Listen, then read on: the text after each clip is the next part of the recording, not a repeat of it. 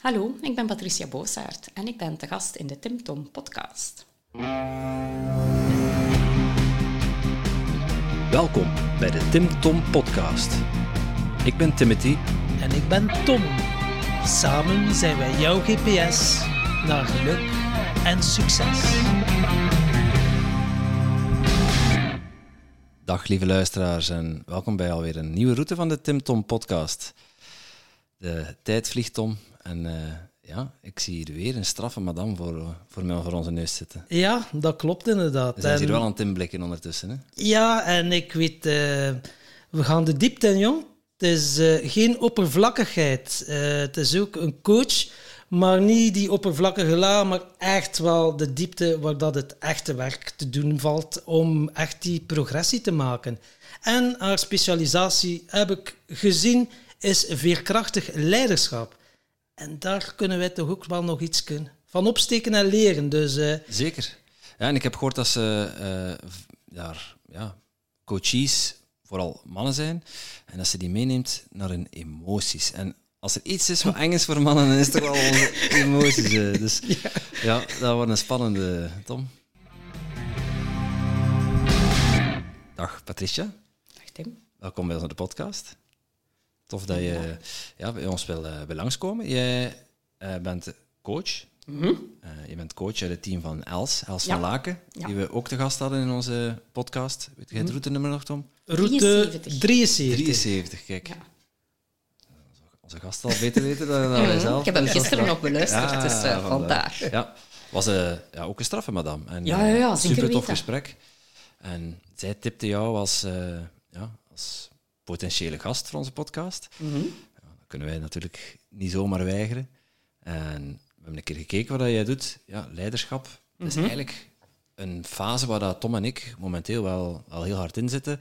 Eh, ja, alle twee samen een bedrijf aan het oprichten. Hè, dus nog ontdekkende in die, wat is dat, CEO, COO, hoe moet je uw rol vervullen? eh, Ja. Ah, ja. hoe richt een bedrijf goed op? Maar bij ons bijkomend voordeel, ik het, als ik het zo mag noemen, is dat we ook al een tof team om ons heen verzameld hebben. En ja, dat team moet ondertussen ook nog aangestuurd worden. Dat Ja. vraagt leiderschapskwaliteiten. En dat vraagt ja, heel veel nieuwe vaardigheden van ons eigenlijk. Mhm. Dus Dat eh, klopt. ja, er kon er geen beter moment zijn om jou in onze podcast te hebben. Mhm. Ehm, voor de mensen die jou nog niet kennen, eh, kun je jezelf misschien even kort voorstellen en vertellen wat je doet? Ja, dus ik ben eh, enerzijds coach bij de Breakthrough Academy bij Els van Laken. En daarnaast heb ik ook nog eh, mijn eigen bedrijf. En eh, waar dat ik vooral op werk, zijn vooral met ondernemers. Heel wat mannen, ook vrouwen. Hè? Dus vrouwen moeten zich niet buitengesloten voelen. Ehm, maar vooral met gevestigde ondernemers, dus die al wat eh, bagage hebben, dus die al wat stappen gezet hebben. En die zo op een kruispunt zitten dat ze een bedrijf zo naar de next level willen brengen, maar daar nog tegen het een en het ander aanlopen.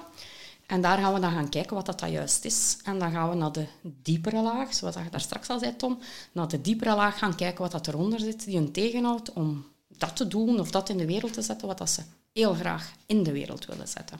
Dus dat is waar dat ik vooral... eh, Dat doe je nu, maar ik kan me voorstellen, toen je nog op de schoolbanken zat, was dat nog niet van ik word eh businesscoach. Nee, zelfs vijf jaar geleden was dat mijn dingen nog niet. Want ik wist zelfs niet dat businesscoaches dat, dat bestond, laat staan. Want ik ben ehm, mijn carrière gestart in de verkoop, heb ik een paar jaar gedaan. En dan heb ik eh 17 jaar gewerkt als supply chain manager in verschillende multinationals, een vijftal. En waar dat ik vooral in gespecialiseerd was, eh maar ik heb een hele analytische, eh, organiserend talent ook, waar ik super, super goed in ben. Al zeg ik het zelf. Hè.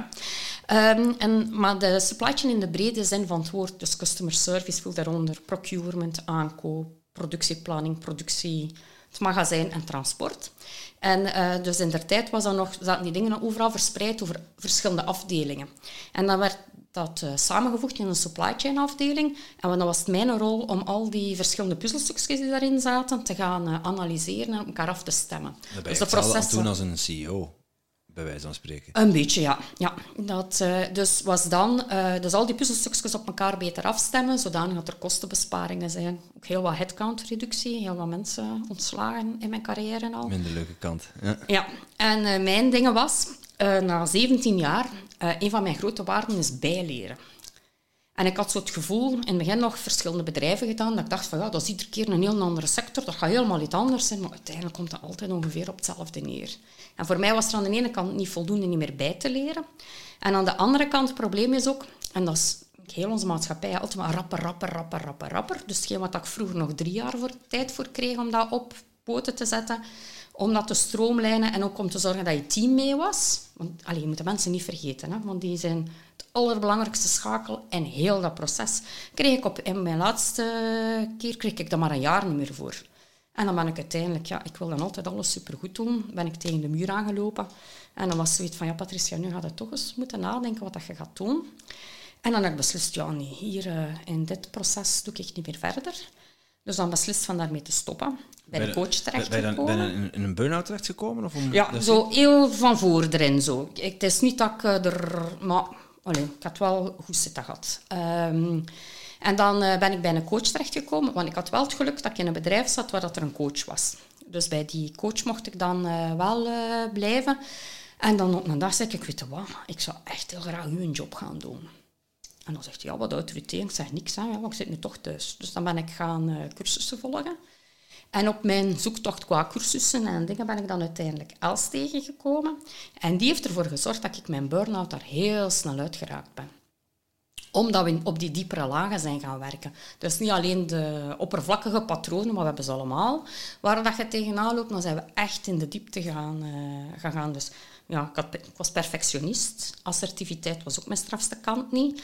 Uh, doseren, uh, work-life balance, ook onbestaande. Plannen en organiseren, dat was ik wel goed. Want dat is meestal ook een van de dingen dat de mensen tegenlopen. En ja, mijn zelfvertrouwen was ook gekelderd dan. Gelukkig heb ik die nu intussen terug. En uh, door daar met Els in de diepte te gaan werken, via lichaamswerk, via systemisch werk, wow, nog geen uh, drie maanden was ik er weer uh, helemaal bovenop. En stond ik er terug. En had ik mijn kracht, dat ik vroeger had, had ik ook helemaal terug. En dat vond ik wel super. En mensen horen nu, oké, okay, ja, lichaamswerk? Is dat dan zo een ontspannende massage met zo wat nee, nee, muziekje en uh, zo gehoorliedje? Uh, nee. Nee, maar lichaamswerk ook uh, dingen... Ik kom dus niet aan het lichaam van mijn coaches, hè, maar we doen het zelfs over de computer, dus ik, ik kom aan de mensen niet. Maar wat we wel doen, is naar het lichaam gaan kijken, in de zin van... We hebben een geheugen hier in ons hoofd, in die prefrontale hier in de prefrontale cortex in ons we zitten daar ergens een geheugen. Maar je lichaam heeft ook een apart geheugen. En wat dat, dat je doet, is gaan kijken samen van wat, wat, wil je lichaam nu gaan vertellen. Dus gaan we gaan voelen. En als mensen nog niet goed kunnen voelen, dan gaan we daar eerst wat voorbereidende stappen voor doen. En een keer als ze dan kunnen voelen, gaan we gaan naar verschillende situaties terug. Bijvoorbeeld zegt van, goh, in die situatie heb ik ongelooflijk veel stress. En dan gaan we gaan kijken, oké, wat gebeurt er in je lichaam? Wat, wat, bijvoorbeeld, stelt dat je zegt, goh, mijn arm doet hier in één keer pijn. En dan gaan we gaan kijken van dan die pijn van die arm. En dan gaan we daar samen kijken wat dat die pijn van die arm wil komen zeggen.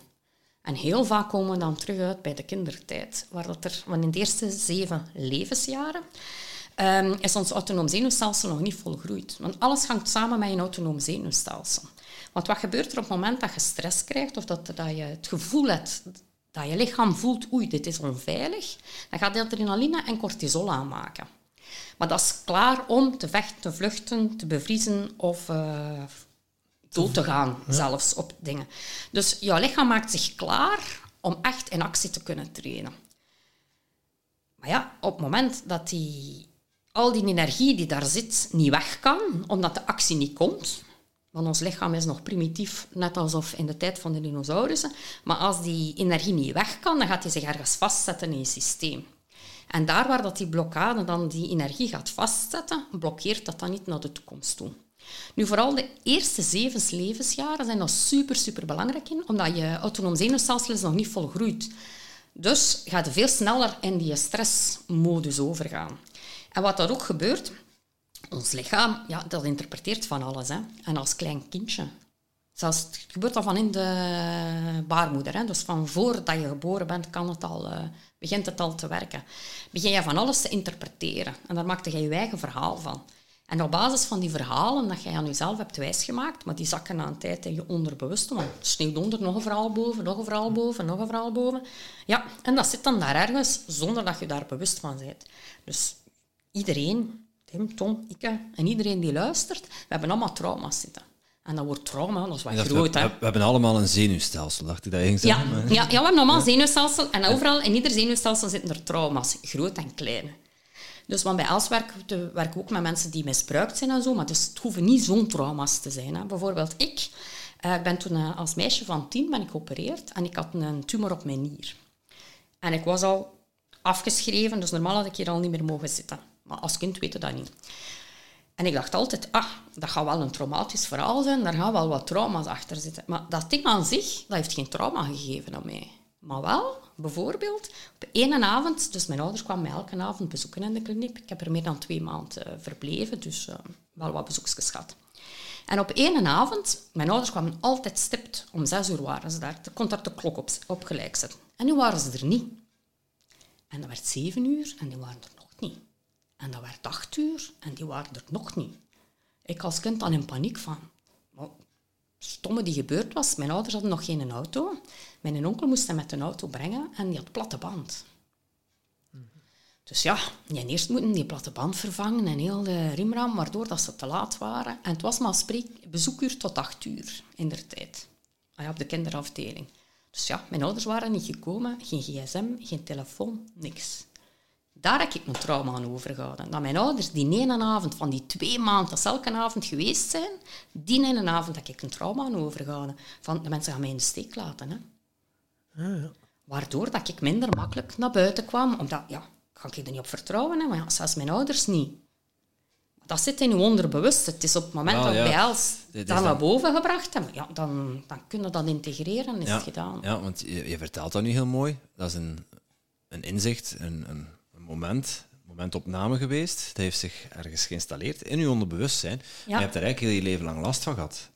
Ja. Tot op zekere hoogte. En, en in stressvolle situaties, eh, momenten waar het eigenlijk niet uitkomt, stak Dan dat is- iedere keer de kop op. Ja, maar wat gebeurt er in feite? Ons autonoom zenuwstelsel heeft alle ervaringen uit het verleden. Hè. Dus die geeft daar rode en groene vlagjes aan. En alles wat dat groen is, daar gaat je lichaam zelf voor zorgen. Oh, dat is fijn, dat is plezant, dat ga ik nog doen. Stel dat je op de kermis geweest bent en je hebt dat, oh, vond dat fijn op de rollercoaster. Mocht er dingen op zeggen dat jij nog op die rollercoaster gaat zitten. Maar alle dingen waar dat jouw lichaam rode vlagje zit opgezet, bijvoorbeeld zoals van mij en toen dat ik in de kliniek lag, dat mijn ouders niet geweest zijn, dus dat ik ze niet kon vertrouwen, ah, dan gaat je lichaam zorgen, daar gaan we niet meer naartoe. Hè? En dan krijg je allerlei ehm, dingen van je lichaam dat je het niet gaat doen. Dan krijg je uitstelgedrag, is zo'n schoon daarvan. Dan begint het te piekeren. Dan, eh, oh ja, nee, ik ga het morgen wel doen. En ook morgen, ja. En je blijft maar uitstellen, waardoor dat je de dingen dat je wilt doen, niet doet. En wat dat we doen met lichaamswerk en systemisch werk, is we gaan dan terug naar die situatie. Zoals ik daar straks zei, oei, mijn arm doet pijn. Ik kom terug bij die situatie van mijn kind. En dan gaan we niet die traumatische ervaring dat je hebt eruit gooien, want dat willen de meeste mensen. Dat komt weg door het raam en we moeten er niet meer van weten, maar dat gaat niet. Het zit erin, de energie is er. Maar wat dat we wel gaan doen, is de energie die er rond zit, dat we gaan losser maken. Zodanig dat jouw persoonlijke energie er weer langs kan stromen. En dat je weer in flow komt en dat je weer verder kunt. Dus het is niet de bedoeling dat gaan alle trauma's van heel je leven, want we hebben er allemaal heel veel, dat die allemaal weg moeten. Nee, alleen maar de die die je tegenhouden, daar waar dat jij met iets zit, die in de weg zit. En dan nog te zwijgen van alle trauma's van de vorige generaties, Ja, die, die die ook ook worden allemaal in. doorgegeven eh, uiteindelijk. Maar je sprak van lichaamswerk, maar dan ook systemisch werk, dat is eh, dan familieopstelling. Ja, hè? Familieopstellingen. Maar eh, wat dat wij doen, en dus als ik eh, één op één coach, ehm, bijvoorbeeld als in de opleidingen die we doen bij Els van Laken, dan, ja, dan zijn er veel mensen en dan kunnen die voor je papa gaan staan, voor je mama gaan staan. Dus kan heel je familie opgesteld worden. Maar in op één coaching heb je al die mensen niet beschikbaar om dat te doen.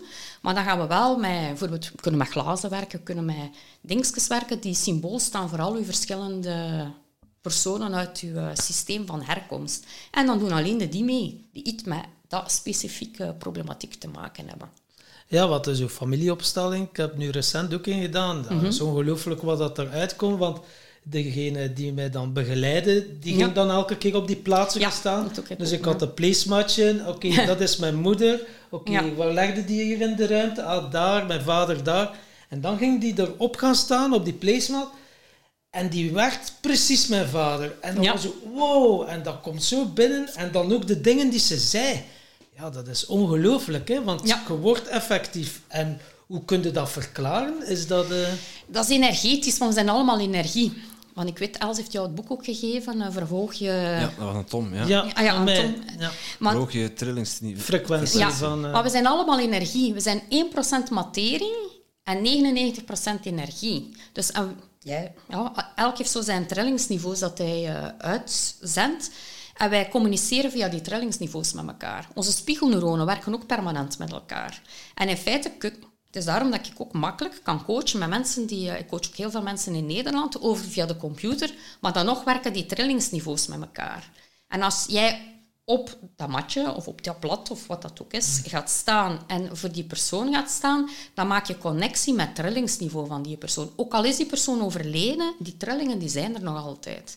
Waardoor dat je, als je daarop gaat staan, dat je ook effectief de dingen gaat voelen alsof dat je die persoon bent. Dus jij ziet direct je papa staan, maar ben zeker de persoon die erop is gaan staan voor je papa, die voelt ook voor je papa. Net alsof dat die je papa is. Ik kan me nu wel inbeelden, dus je begeleidt vooral mensen die naar de hoofd zitten. Als je ermee afkomt, ah, we gaan we een keer een familieopstelling kunnen doen. Dat we dan Nee, zeggen, maar ja, zo begin je niet, hè. Zweef maar weg met Ja. een bezem. Nu zijn u papa, ja. Ja.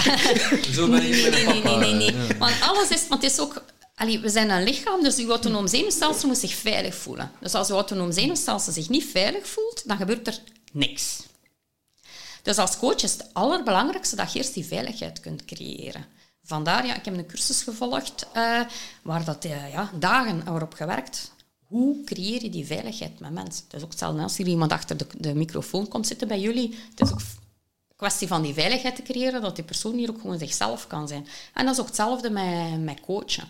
En vandaar dat het belangrijk is als coach dat je zelf eh, heel hard eerst aan jezelf hebt gewerkt. Want, het daar straks nog over gehad, je kunt enorm veel methodieken kennen, maar het allerbelangrijkste ben jij, jouw lichaam, jouw lijf als persoon. En hoe beter dat je die hebt kunnen fine-tunen, hoe makkelijker dat je ook kunt gaan invoelen voor de ander. Dat je ook voelt als coach wat dat er nodig is.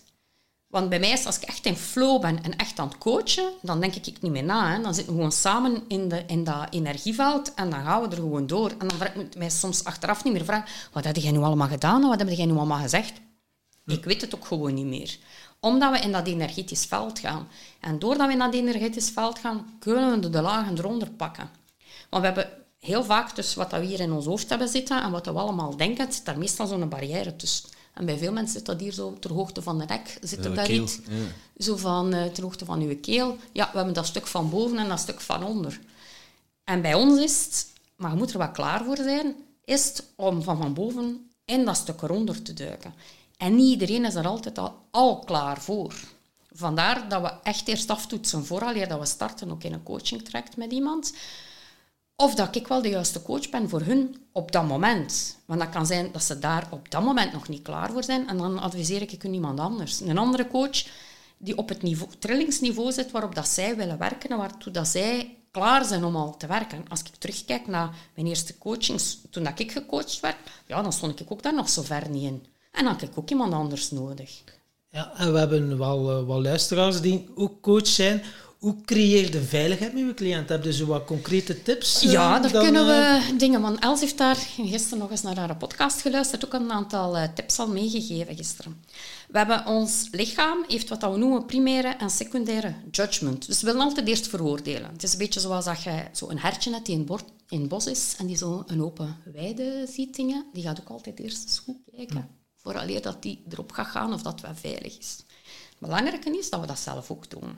Dus de eerste oefening waar ik altijd mee begin bij mijn coaches is van, oké, maar eerst een paar keer diep in en uitademen, zo'n drietal keer, zodat ze, dat je die energie kunt voelen zakken. En dat ze ook zakken in hun lijf. En dan gaan we een keer gaan oordelen. En dan mogen ze mij in de praktijk gewoon alles gaan zeggen wat dat ze lelijk vinden. Of wat dat er niet goed is. Maar dan ze wat? Dan ze? Lelijk vinden. Een kleur dat ze niet mooi vinden. Een vorm dat ze niet mooi vinden. Ergens een detail dat ze niet, niet, goed vinden. En het feit dat ze mogen dat gewoon zeggen, zorgt wel dat ze al... eh, die eerste dingen is er al af. Van dat lichaam zegt, ah, oef, ik ga mogen oordelen als wat ik niet veilig voel, als wat ik niet goed voel. Maar weg. En dan gaan we naar het tweede. En dan gaan we kijken, mogen ze terug heel de dingen rondkijken. Helemaal afscannen. En welke zijn nu de dingen dat je wel leuk vindt? Wat zijn nu de kleurtjes dat je mooi vindt? De vormen dat je mooi vindt? Ergens een plekje dat je goed vindt. En die mogen dan ook, want bij mij moeten ze dan niet op hun stoel blijven zitten. Hè. Een keer gaan rondlopen in de ruimte. Zoals dat hertje in het bos, die ook eerst een keer kijkt. Een keer erop gaat, een keer rondlopen. Een keer... Maar echt je eigen maken met de ruimte die er is. Maar ik weet niet of jullie erop gelet hebben toen ik hier toe kwam. Ik heb hier ook alles zitten uh, afspeuren terwijl wij aan het babbelen waren. Oké. Ja. Ja, ja maar, want je hebt dan een half uur zitten zeggen wat dat hier allemaal niet goed is. Dat vond ik... ja, dan ben ik blij dat je nog gekuist hebt. Hè. Ja, Je zit niet bij Timothy thuis trouwens. hè. Ja, nee. Ja, en waar dat ze willen gaan zitten in de ruimte. Bijvoorbeeld voor mij is het nu ideaal waar ik hier nu zit, want daar heb ik het raam. Bij mij, ik heb ooit een ongeval zien gebeuren en die auto kwam van rechts. En ik heb een, een persoon zien opschappen en die is zo vier, vijf meter hoog gevlogen en is dan gestorven uiteindelijk. Dus voor mij is die ook voelt als onveilig. Dus die ook tegen de muur zitten, dat gaat voor mij niet. Bijvoorbeeld moest ik zitten waar dat jij zit, Tim, dat, dat, dat zou mij niet uit. Maar het feit dat ik hier naar buiten kan kijken en dat kan zien wat dat er op mij afkomt, Dat er dan hier in voel mijn ik mij achtertuin geen veilig. auto naar binnen vliegt. Ja, ja maar, maar dat is puur... Allee, Ja, met, ja, ja. met verstand. Die had niks te maken met dat ongeval hè, dat er Nee, gebeurd dat is gewoon dat je je beter voelt op een bepaalde plek, door een be- om een bepaalde reden. Zonder bepaalde reden. Ja, en- ook, we hoeven het ook niet te weten. Het is omdat ik met, met Elsa erop gewerkt heb dat ik weet dat dat komt van dat ongeval die er ooit gebeurd is. Maar het is heel belangrijk dat uw coachie... Ja, het is like bijna like een kat of een hondje die ergens komt. Hè. Je goed kan rondsnuffelen. En dan die ziet die ook dikwijls aan. Een keer ronddraaien, nog een keer draaien, nog een keer draaien. En dan gaan ze uiteindelijk liggen. Omdat ze dan op de plek zitten die voor hun energetisch goed voelt. En als mens is dat ook belangrijk. Dat je je op een plek kunt zetten waar dat je je energetisch goed voelt. Als ik naar een opleiding ga, ik ben altijd vroeg, hè. Omdat ik eerst kan gaan kijken, wat is dat hier allemaal? En dan ga ik kiezen waar dat ik ga zitten. Ik ga nooit de laatste plaats pakken die nog overschiet. Omdat ik weet, als ik mij echt veilig voel en op mijn gemak voel, dan kan ik veel makkelijker de content van wat dat er gegeven wordt binnenpakken. En kun je ook veel meer gaan onthouden. Ja. En kun je ook makkelijker in je onderliggende lagen gaan. Om te voelen wat dat er kan geraakt worden. Want als je ergens zit waar dat jij niet op je gemak zit, dan, eh, dan komt er niks. Hè.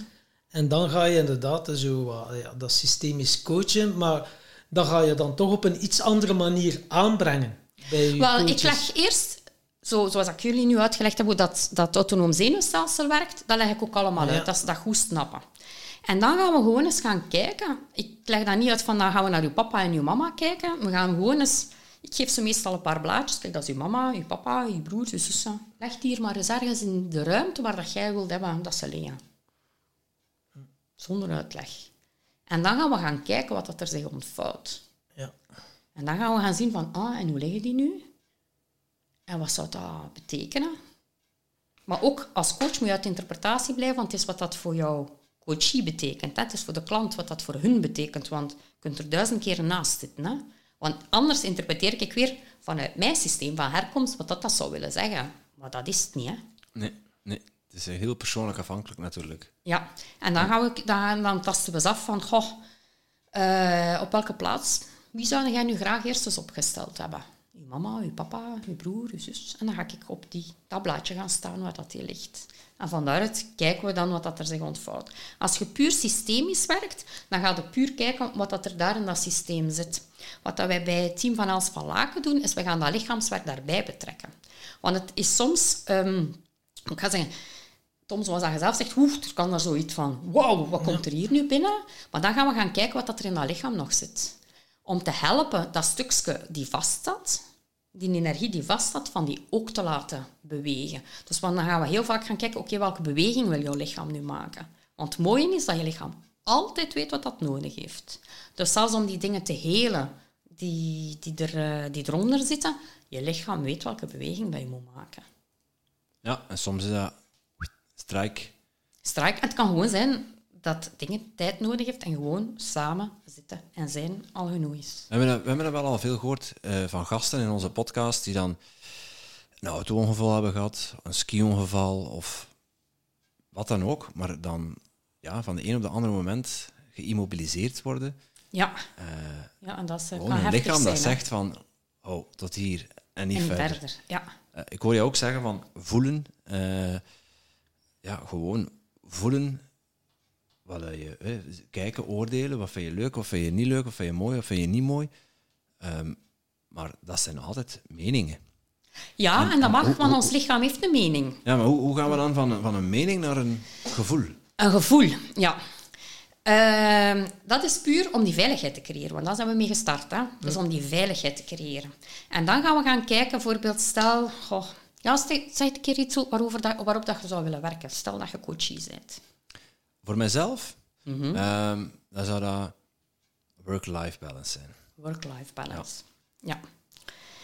En wat is er dan in je work-life balance dat je beter zou willen, dat je anders zou willen? Er zijn verschillende dingen die ik anders zou willen.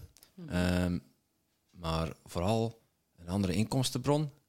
Dat is niet meer mijn huidige loonjob, maar een andere inkomstenbron, zodat ik daar tijd en energie overhoud om die ergens anders in te investeren. Ja. En zit er wat schrik op om naar die andere... Ja. Ja. Wel degelijk. Ja. Er zit een stukje, er zit een stukje onzekerheid op, er zit een stukje financiële angst op. Ehm, en ergens ook, dat is dan door samenloop van omstandigheden, ehm, een slot. Een slot. een slot erop. In die zin dat het een ehm, eh, voorwaardelijk is aan elkaar. Dus alle grote dingen die ik kan doen ben, zijn voorwaardelijk aan elkaar. Ze ben een huis aan het bouwen. Dat kan ik alleen natuurlijk doen als ik zeker weet dat ik mijn hypotheek kan betalen, dat ik de rekeningen kan betalen die wekelijks eh, binnenkomen. Die zijn niet mis. nee. Beetje naar mispakt misschien. Maar goed, dat zijn uitdagingen. Maar dat zijn de Eh, dingen van het leven. Hè? Kost ook, kost ook tijd, kost, eh, kost geld. Ja, ik kan het niet aan andere dingen bespenderen. Ja. Aan de andere kant eh, zijn wij met eh, eh, Tom en ik zijn, zijn een bedrijf aan het oprichten. Wij zijn met een eerste zei dat, jaartraject gestart.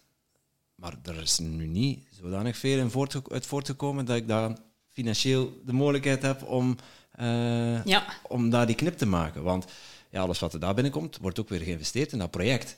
Dus daar blijft niks over. Ja, dan ben ik het voor mezelf moeilijk aan het maken. Eh, Ja. Aan de andere kant voel ik ook, eh, hetgene wat ik te leren had binnen mijn loonjob, daar ben ik op uitgeleerd. En Mhm. ja, dat zou dan eigenlijk ook mogen stoppen. Alleen, ja, door, eh, doordat al die dingen met elkaar communiceren en elkaar in, in balans houden, ben ik ook dat systeem overeind aan het houden. ja, dat klopt. En nu, Tuurlijk, ja. al de rest moet ik niet weten als coach.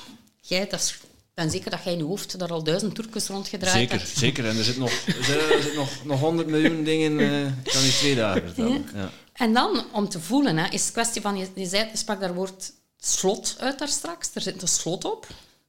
Maar voel eens, als jij gewoon naar binnen gaat en naar je lichaam, dat slot, waar voelde jij dat ergens? Waar is er een stukje in jouw lichaam die nu... Op, nu op zielsniveau is dat, ja, op hartsniveau. Op hartsniveau. Ja. Maar waar voel je dat fysiek in je Ik voel lichaam? dat fysiek ter hoogte van mijn zonnevlecht. Ja, Ja.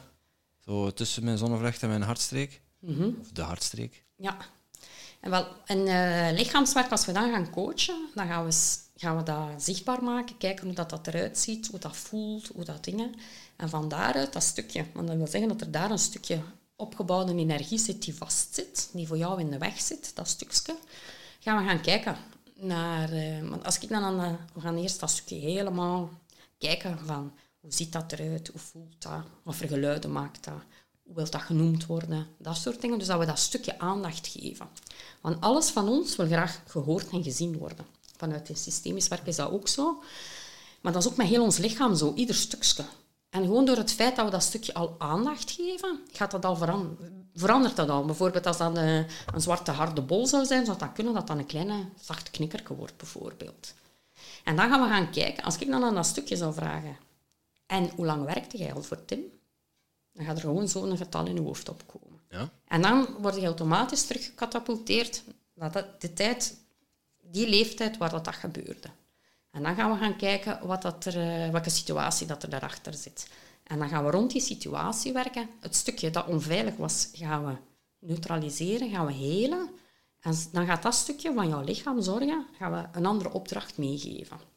Zodanig dat je lichaam in plaats van tegen te werken, voor jou gaat werken. Zodanig dat jij die een stap wel gaat zetten. En dat je wel in heel dat kluwen dat je nu al in je hoofd gemaakt hebt, dat er daar wel een klare, rechte lijn in komt. Zodanig dat jij dan kunt beslissen wat dat je gaat doen en dat je dat vol vertrouwen daarin kunt gaan stappen. Ja, ja, vertrouwen is dan de, de boodschap. Aan de andere kant is het ook keuzes maken. Hè? We, eh, we- wij twee zijn nu wel boven gemiddeld veel bezig met persoonlijke ontwikkeling. Ja. Eh, helpt ook wel om, om, om dingen sneller helder te hebben. Maar daarmee is het nog niet opgelost. Nee. Dus bij mij zit het echt op keuzes maken. Eh, een stukje vanuit, vanuit onzekerheid. Eh, aan de andere kant ook gewoon graag gezien worden. Hè? Dat is dat van vroeger uit, wat gevoed is. Van mijn ouders. Van, maakt niet uit wat je doet, zolang je maar je best doet. Ja, met, de Ah ja, beste, met, de beste, ja. met de beste intenties wordt er daar, wordt er daar alweer iets meegegeven. Ik moet mijn best doen, ik moet mijn best doen. Want, ja, Ja, wat is dat dan nu best doen? Ah ja, ja. Eh, het zou raar zijn als je niet je best zou zijn, hè, op dit moment, nu, hier. Ja, het hangt ervan af wat dat je van je ouders meegekregen hebt. Hè. Ja, wat de verwachtingen zijn. Van jezelf, van anderen. Ja, en dat is, ook, dat is ook afhankelijk van je best doen wat dat jouw ouders ermee bedoeld hebben als zij dat tegen jou zeiden. En je hebt daar een persoonlijke interpretatie van gemaakt. Ja, maar ergens ja, keuzes maken en, en dan daarvoor ook 100% voor kiezen en voor, eh, voor gaan. Eh, dat in beeld hebben van, oké, dat is hetgene waar ik aan moet werken, dat is één ding, maar dan is het nog niet opgelost. Nee, en Hoe neem jij je coaches daarin mee? Het mooie is, hè, als wij die stukjes die daar allemaal in de weg zitten, als we die één voor één aanpakken, dan is het wel opgelost. En dan ga jij dingen doen waarvan dat jij zelf versteld staat. Dat jij die gaat doen en dat je die zo snel gaat doen en dat je daar zo snel zoveel succes mee gaat hebben. Want het mooie is altijd, ja, wij zien niet anders dan successtories passeren. Hè. En in, eh, dat vind ik ook het eraan. Aan, eh, dat je die mensen kunt helpen hun dromen te gaan eh, verwezenlijken. En dan werk ik het liefst met mensen die zo'n hele schone missie hebben, waarvan ik denk, hm, ja, daar kan ik ook nog wel achter zetten. En dan die want ondernemerschap is sowieso onzekerheid. Hè. Dat is voor, als je morgen ondernemer wordt, ja, dat is tot een dag aan je pensioen dat je ermee stopt, is dat onzekerheid. En om de zoveel tijd schiet dat weer omhoog, maar dan weer om andere redenen. En dan is telkens... Allee, voor mij, eh, ik als coach ook, ik heb ook mijn persoonlijke coach waar ik regelmatig bij ga, omdat als je niet blijft verder ontwikkelen, dan gaat je bedrijf ook niet verder ontwikkelen. Dan komt je op een bepaald moment aan een plafond en dan is precies, het marcheert hier niet meer, het gaat hier niet meer. Hoe komt dat nu? Maar als je dan weer zelf gaat kijken wat dat er bij jou aan het plafond zit, Een bottleneck eigenlijk. ja, raakt het er weer over. Want het is ook met een bedrijf, als dat evolueert, heb je ook andere competenties nodig. Stel, een ondernemer, één, eenmanszaak, heeft bepaalde competenties nodig om ermee te doen. Zoals dat jullie daar straks zijn, ja, en wij hebben ook al een team rond ons. Ja, maar met dat team moet je dan ook weer andere dingen gaan doen. En dan hangt er weer vanaf. Het kan dan zijn op dat moment dat bepaalde teamleden vertrekken en er komen anderen in de plaats en in één keer marcheert dat niet meer. Maar hoe kan dat nu? Ik had de knoppen gevonden hoe dat ging. En nu in één keer gaat dat niet meer. Nee, de Ah ja, samenstelling is anders. Hè? Ah, tuurlijk. Maar, en dan worden er weer andere aspecten van jouw persoonlijkheid aangesproken. En moet je eventueel weer dieper gaan graven in jezelf om te kijken van oké, hoe komt dat nu dat dat met die persoon niet lukt? Terwijl dat, dat met die andere wel lukte. En ofwel zeg je, ik doe niks, kom die buiten en ik vervang weer door een ander, totdat je weer een net waar dat wel weer vanzelf mee klopt. Maar dan kun je er meestal wel al eh, heel, heel wat revue passeren. Hè? Ja. En dan heb je Of je staat er heel lang alleen voor, omdat niemand goed genoeg is. Ja. ja, dat ook. En eh, er zijn er ook die dat doen, hè, die dan eh, blijven heel, heel hard werken. En die work-life balance van daar straks eh, is dan compleet, compleet zoek. Vandaar dat er bij ondernemers ook... Ik kan zeggen, ik werk vaak rond stress. Ze komen bij mij binnen, niet met het idee dat ze stress hebben. Maar waar dat ze mee sukkelen, zijn wel de dingen die het gevolg zijn van stress. Ja. Maar het is ook ergens ook een gevolg van wat dat je jezelf... ehm, hoe zot dat je jezelf maakt. Hè? Ja, dat is Ik- altijd, hè. In in mijn geval, ja, het is niet gek dat ik een beetje moeite heb met work-life balance, maar dat is ook iets waar ik zelf heel hard naar gezocht en, en, en gedaan heb. Ik heb de, ben dit voor mijzelf op bewust en, en onbewust niveau aan het creëren. Eh, omdat het dan niet anders kan dan zo ontstaan. Want ik Ja. kan zelf geen, daar geen keuzes in maken. Dus ik heb bepaalde strategieën gevonden om ja, mijn leven... Die keuze die heb ik al gemaakt. En de stapjes zijn Ja. al gezet in de goede richting. Maar ja, systemen in gang gezet, waardoor alles ja, geforceerd automatisch die richting op gaat. En dingen die dan niet mee kunnen bewegen, eh, die achterblijven in de gletsjer, eh, zoals ze zeggen, Ja. ja, daar doet het pijn. En ja, mensen zien aan de buitenkant natuurlijk alleen het succes. Eh, onze podcast die groeit, eh 85 afleveringen. Ja. Wauw, die hebben al een heel team verzameld. En oh, dat, dat, dat klinkt super tof, dat jaartraject wat die allemaal aan het doen zijn. Maar ja, er is, moet ook wel een prijs betaald worden. En Onder niks water. komt er zomaar, hè. Nee. En het is die keuzes tussen... Ja, En een prijs betaalt hangt er dan vanaf. Wat is er voor jou belangrijker? Hè? Want het hangt er een beetje van jouw samenstelling, van jouw waarden af. En op basis van je waarden, die voor jou belangrijk zijn in je leven, ga je bepaalde keuzes maken. Ik heb ook al keuzes gemaakt, dat ik uh, bepaalde samenwerkingen heb stopgezet. En waardoor dat dan uiteindelijk die personen ook uit mijn leven verdwenen zijn, terwijl ik daar super graag... Ik wou dat niet. Ik wou die samenwerking samen stopzetten, maar de rest niet. Maar ja, collateral Soms damage moet is je loslaten, hè? dingen loslaten, maar mensen hebben de neiging, ik kan mij er krampvastig aan vasthouden, want dat voelt vertrouwd en dan heb ik zo gezegd En dan, gaan controle. ze, en dan gaan ze mij graag zien, want iedereen Ja. verwacht dat van mij, dingen. En dan, ja... Ja, het leven is niet alleen maar leuke keuzes maken. Hè. Nee. Soms ook hele moeilijke. En dan ook met de consequenties van die moeilijke keuzes. Het begint allemaal eerst Leven, aan jezelf werken. Hè? Want Ja. ik heb dan ook wel gezien, ik had wel een verslavingsachtergrond. Mm. En ik had de verslaving zelf aangepakt. Dus oké, de alcohol, dat was aangepakt, gestopt, geen behoefte meer alcohol. Dus ik dacht wel, yes, ik ben er vanaf van mijn verslaving. Maar de oorzaak was nog niet aangepakt van mijn verslaving. Dus dat ging dan op andere dingen. Ja, wat meer televisie, Netflix. Maar dan ver, vervangde de ene verslaving door de een andere. En zolang dat het die oorzaak niet... Het is eigenlijk de oorzaak achter de verslaving die de aanpakt. En dan kan het opgelost worden. Ben ik me nu van bewust. En dat werkt heel, heel goed. Want wat ik vaak merk eh, bij de ondernemers die ik coach, dus ze komen voor een onderneming en we werken aan een aantal dingen uit het verleden die dan eh, opgeklaard worden. En in één keer, ah, ik heb minder behoefte aan alcohol, ik heb minder behoefte aan suiker, ik heb minder behoefte aan, al, aan televisie, al die dingen, die verslavingen van ervoor, die verdwijnen precies. Terwijl dat was niet de doelstelling van de coaching, maar door het feit dat je dingen uit je verleden aanpakt, kun je ook de dingen die eronder zitten, eh, weghalen, waardoor dat je soms effecten krijgt, niet op dat wat dat je doel had, maar dat je neveneffecten hebt die ook heel positief zijn. En dat vind ik ook altijd wel eh, Ja, meestal is het zo bij verslavingen, dat ik nu wel gemerkt heb, de mensen dat ik ook allemaal bele- een eh, gebrek aan zelfacceptatie en zelfliefde. Ja. En als je dat aanpakt en je ziet jezelf graag, dan, Dan moet het niet er- verdoofd worden, Nee, hè? dan hoeft het niet verdoofd te worden. En, eh, Ja. Maar ja, dat is eh, wel een dingetje. Hè? Uw zelfliefde, jezelf graag zien. Hoe is dat bij u? Hoe, eh, de zelfliefde, heeft dat ooit anders geweest? Ehm, goh, ik moet zeggen, ik ben in een heel warm gezin opgegroeid. Dus ik heb wel redelijk wat zelfwaardering, zelfvertrouwen, zelfliefde. Dat, dat, dat was er wel. Eh, ik ben ook 15 jaar getrouwd geweest en dan eh, gescheiden na 15 jaar. Dus dan is dat heeft wel even eh, goed gekelderd. Dan weer erop gerobbeld. En dan met het einde van mijn eh, loopbaan eh, in de bedrijfswereld... Tjoef, ook echt, ik was het volledig kwijt. Dus eh, ben ik heel dankbaar dat ik Els toen tegengekomen ben. Dat, dat kwam samen ook samen met je scheiding? Of, Nee, nee. achter- Maar mijn scheiding heeft dan wel geholpen. Mee aan, allee, ik heb na mijn scheiding er wel aan geholpen om dan uiteindelijk eh, mijn burn-out eh, voor te hebben. Hè. Want dan wou ik niet hebben dat mijn kinderen financieel de impact eh, van die echtscheiding hadden. Want allee, ik verdiende heel goed. Dus ja, dat moest blijven. Hè, want mijn kinderen mochten toch niet. Dat was mijn fout dat ik voor de verkeerde man gekozen had. Je maakt dus zelf van alles wijs. Hè. Dus waardoor dat ik eh, op dat hoog niveau ben blijven werken, alleenstaand. Eh, mijn ex, eh, de kinderen bleven vooral bij mij.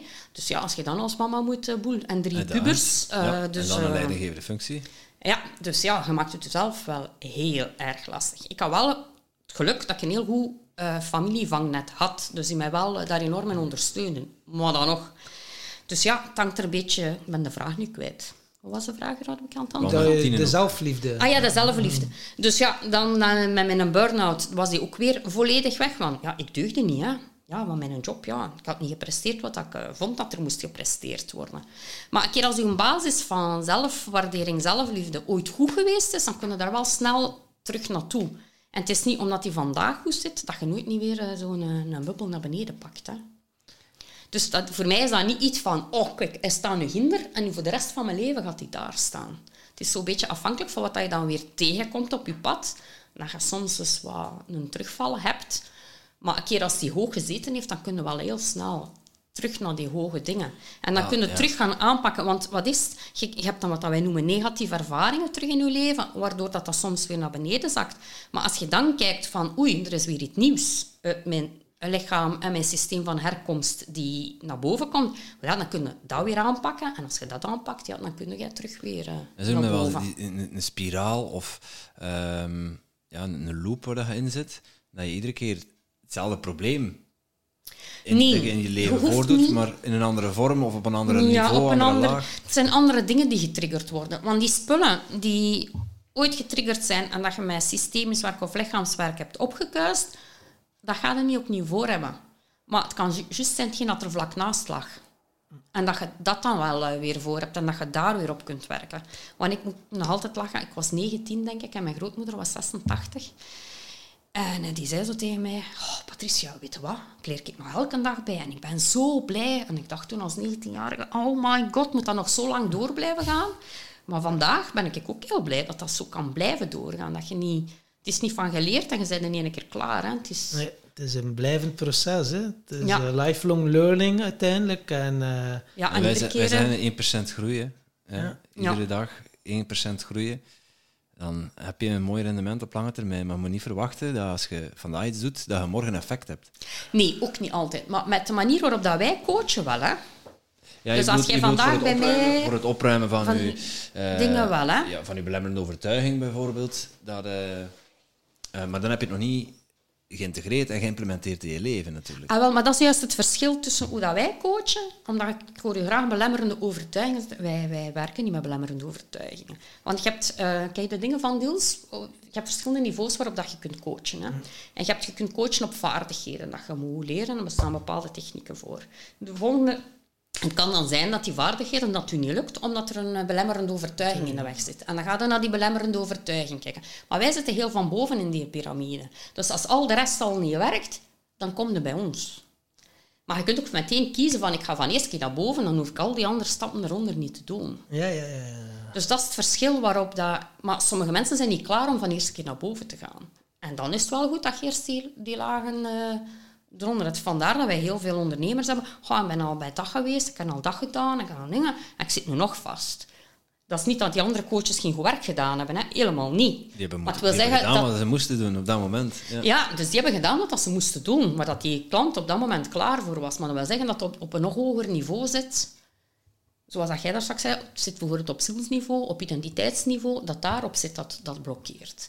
En de methodieken dat wij gebruiken, wij mikken daarop uh, dat Direct van op zielsniveau, ja. ja, Ja, ja, gewoon, eh. De purpose en eh, ja, Mhm. dat is inderdaad. Waar dat het echte werk eh, kan gedaan worden en waar dat je direct resultaat bij hebt en ook direct de grote stappen kunt zetten. Ja, maar je moet er wel klaar voor zijn. Dus ik ga zeggen, ik heb geen oordeel over mensen die dat niet kunnen. Het is, ja, ik, ik kon dat in het begin ook niet. Hè. Nee, nee. Ik heb ook mijn stapjes moeten zetten. Tuurlijk. En, eh, ehm, ja, en je evolueert. En elk evolueert op zijn eigen ritme. En er zijn er die daar heel veel tijd voor nodig hebben. En je hebt zo van die Speedy Gonzalessen. Maar je kunt ook, als je te Speedy Gonzales zit en je zit op dat hoog niveau, dan kun je ook wel lelijk op je bek gaan en ook even tussenuit zijn. Hè? Ja, en, En, en het is ook wel van eh, practice what you preach. Hè. Je kunt niet verwachten van morgen ben, van, vandaag word ik coach en morgen ga ik eens op zielsniveau coachen. Nee, dat gaat niet. Hè, dus eh, daar zit ook wel een wijze les in, denk ik, van ja, ook dat is een groeicurve. Ja. Je groeit er als coach ook in mee.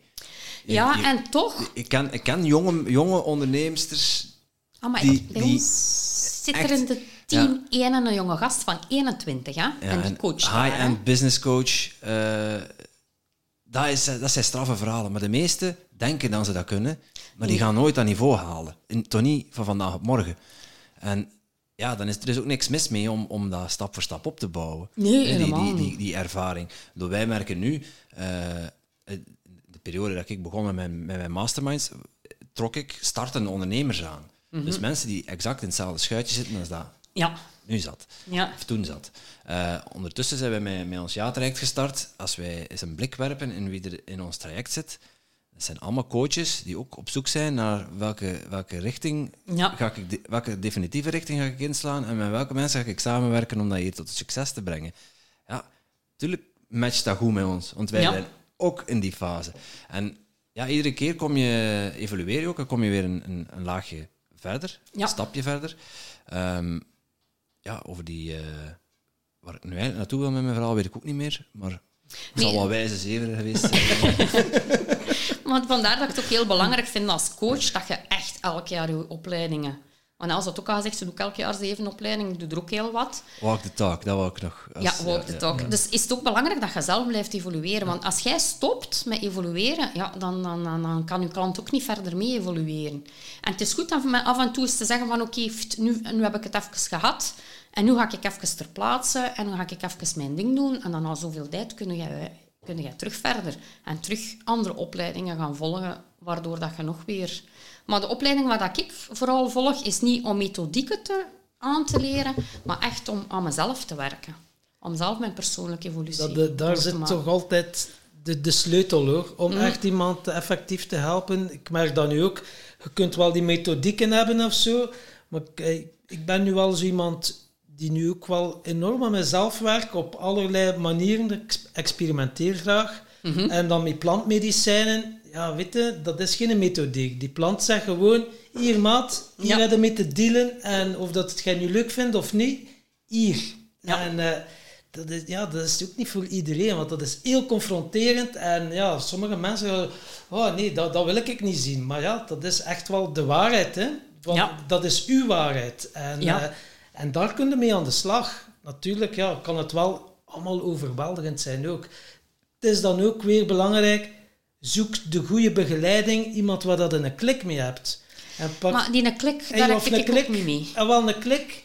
Eh, laat me Maar dat je vertrouwen in hebt en dat je eh, veilig bij klik voelt. waar Dat dat is u belangrijk. veilig en vertrouwen mee voelt. Dat Volgens wil mij, volgens mij eigenlijk ging. Els er ook op aan. eh, Ja, ja, maar het is Ja, inderdaad... nee, maar ik, ik, ik moet daar ook Nee, niet van... eh, veilig en, en vertrouwd dat is bij voelt. Hè. het Die, veiligheid is, dat veilig kader is heel... Ja, dat is Want gewoon als je je niet veilig voelt, dan gaat, en ook, dan gaat je plant ook hun dingen niet doen. Nee, nee, nee, nee, maar dat is Dan inderdaad... gaan die hun werk gewoon niet doen ook. Hè. Nee, maar die Nee. kunnen ook niet. Hè. Dus het systeem maar je staat er niet voor open. Hè. Nee. Want je lichaam zit gewoon dicht. En dan kan het er ook niet in. Nee, klopt inderdaad. En eh, ja, daar is toch voor mij ook alles beginnen veranderen. Door eh, echt wel aan mezelf te veran- werken, verandert je omgeving ook. Ja. Want je straalt dat uit, je komt op een hogere trillingsfrequentie. Dat is heel grappig, die in een boek verhoog je trillingsfrequentie.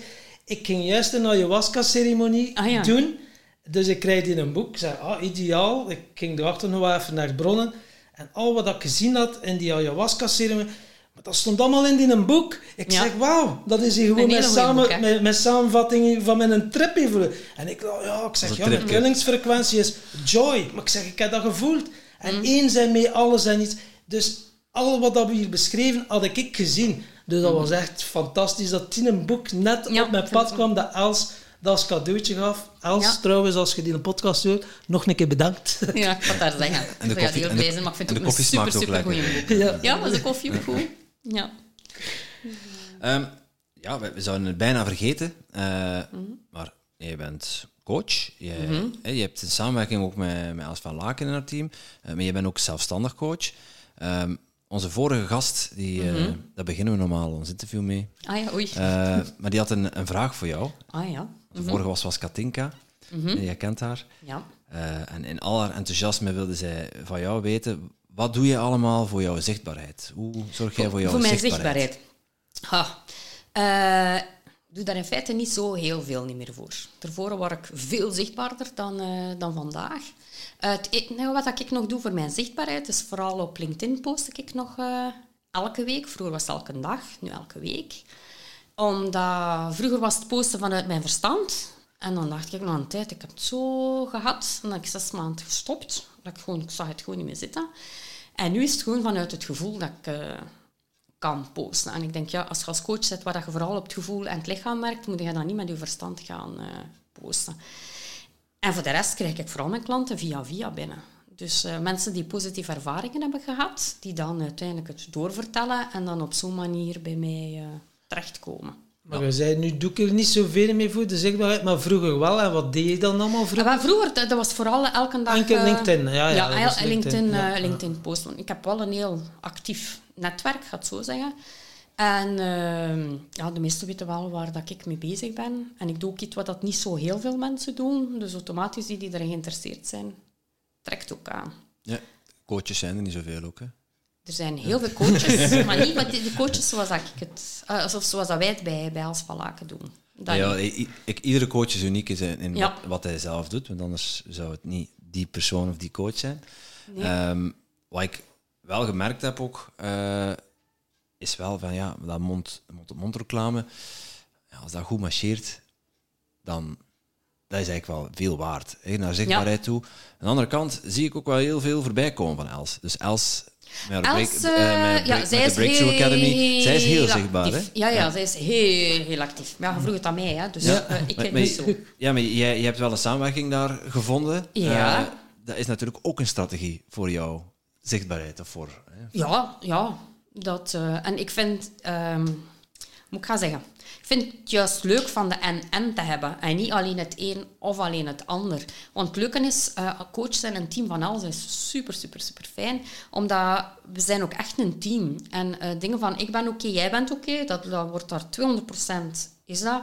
En als je iets hebt, eh, iets voor hebt dat wat minder of wat dingen gaat, dan kun je daar ook gewoon in de groep mee terecht. Want anders is coach zijn wel een heel eenzaam Eenzaam beroep. bestaan. Ja. Dus vandaar dat ik het wel super, super leuk vind om het eh, met Els ook samen te kunnen doen. Dan kun je ook de leuke dingen delen. Ja. En, de, de, en de succesmomenten van je, van je klanten, van je, eh, Ja. van je coaches ook, ook delen. En niet alleen met die coachie, maar met, Ja, met, met- met teamleden. Ja, Niet, niet, niet te misverstaan eh, voordeel van in een team werken, denk ik. En vooral als sowieso. coach. Ja, ergens heeft mij dat voorheen, zeg maar, ook beangstigd van... Ja, maar ga, ga ik mezelf geen coachen of ga ik niet, geen, geen mensen coachen? Want dat lijkt mij zo'n heel eenzaam beroep. En ja, je zit Ja, ook maar iedere keer in je de, shit, in de shit te graven van, van, van, van, van anderen. En ja, we moeten dat dan ook tegen kunnen. Hè? Ik moet, moet dat ja maar ku- dat heeft met blokkeren. uw, uw manier van zijn te Ja, maken. dus hè. je moet dat kunnen ventileren. Eh, aan de andere kant altijd één op één. Ja, ik merkte dat ik heel goed ging met, in, in combinatie met mensen. Hè, dus Tom Ja. en ik, ja, dat is magie. Als je ons twee samenzet in een ruimte, dan, Dan eh, ja, stroomt het. Dan, dan stroomt het. Ja, tegen de plinten.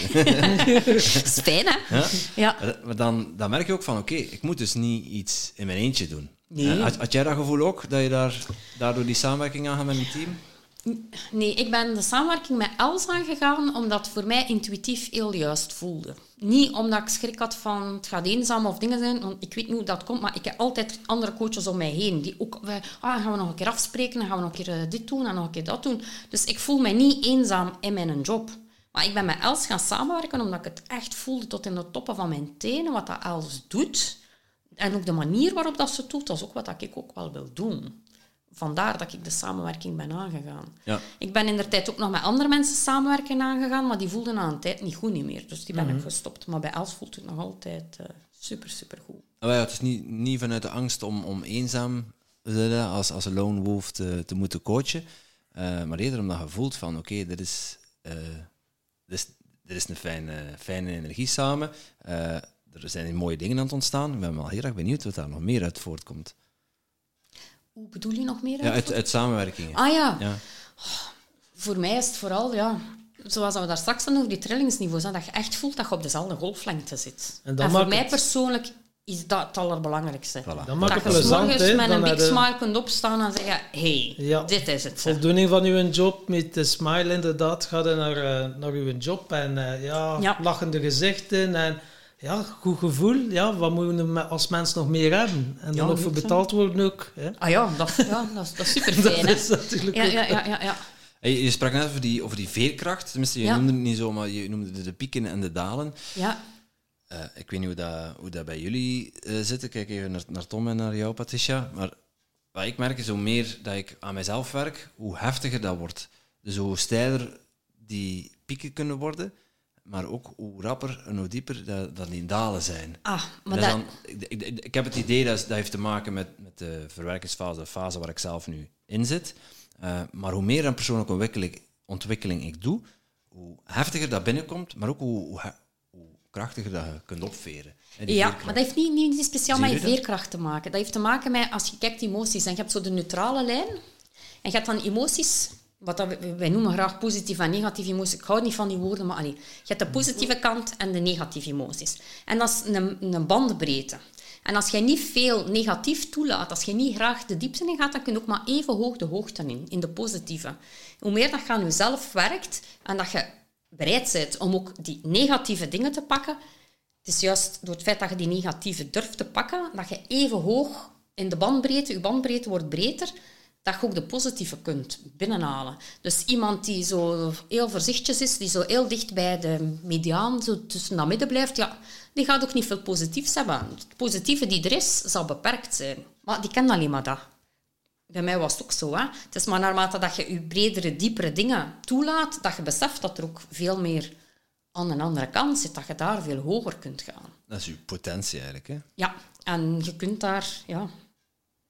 En het is afhankelijk van hoe ver dat jij bereid bent om de diepte in te gaan. Ja, en die tussen aanhalingstekens negatieve emoties durft omarmen. Nu, wat ik wel geleerd heb... Bijvoorbeeld vorige week eh, zat ik ook in een opleiding en ik heb daar zo'n hele kwak vanuit mijn verleden, uit mijn systeem van herkomst, dat was nog iets van mijn grootmoeder en mijn overgrootmoeder, dat ik eh, in mijn gezicht gesmeten heb gekregen als je dat echt, die emotie, echt maar rauw laat binnenkomen en ze gewoon erdoor gaat en erdoor ademt, ik denk dat ik een halve dag heb lopen wenen.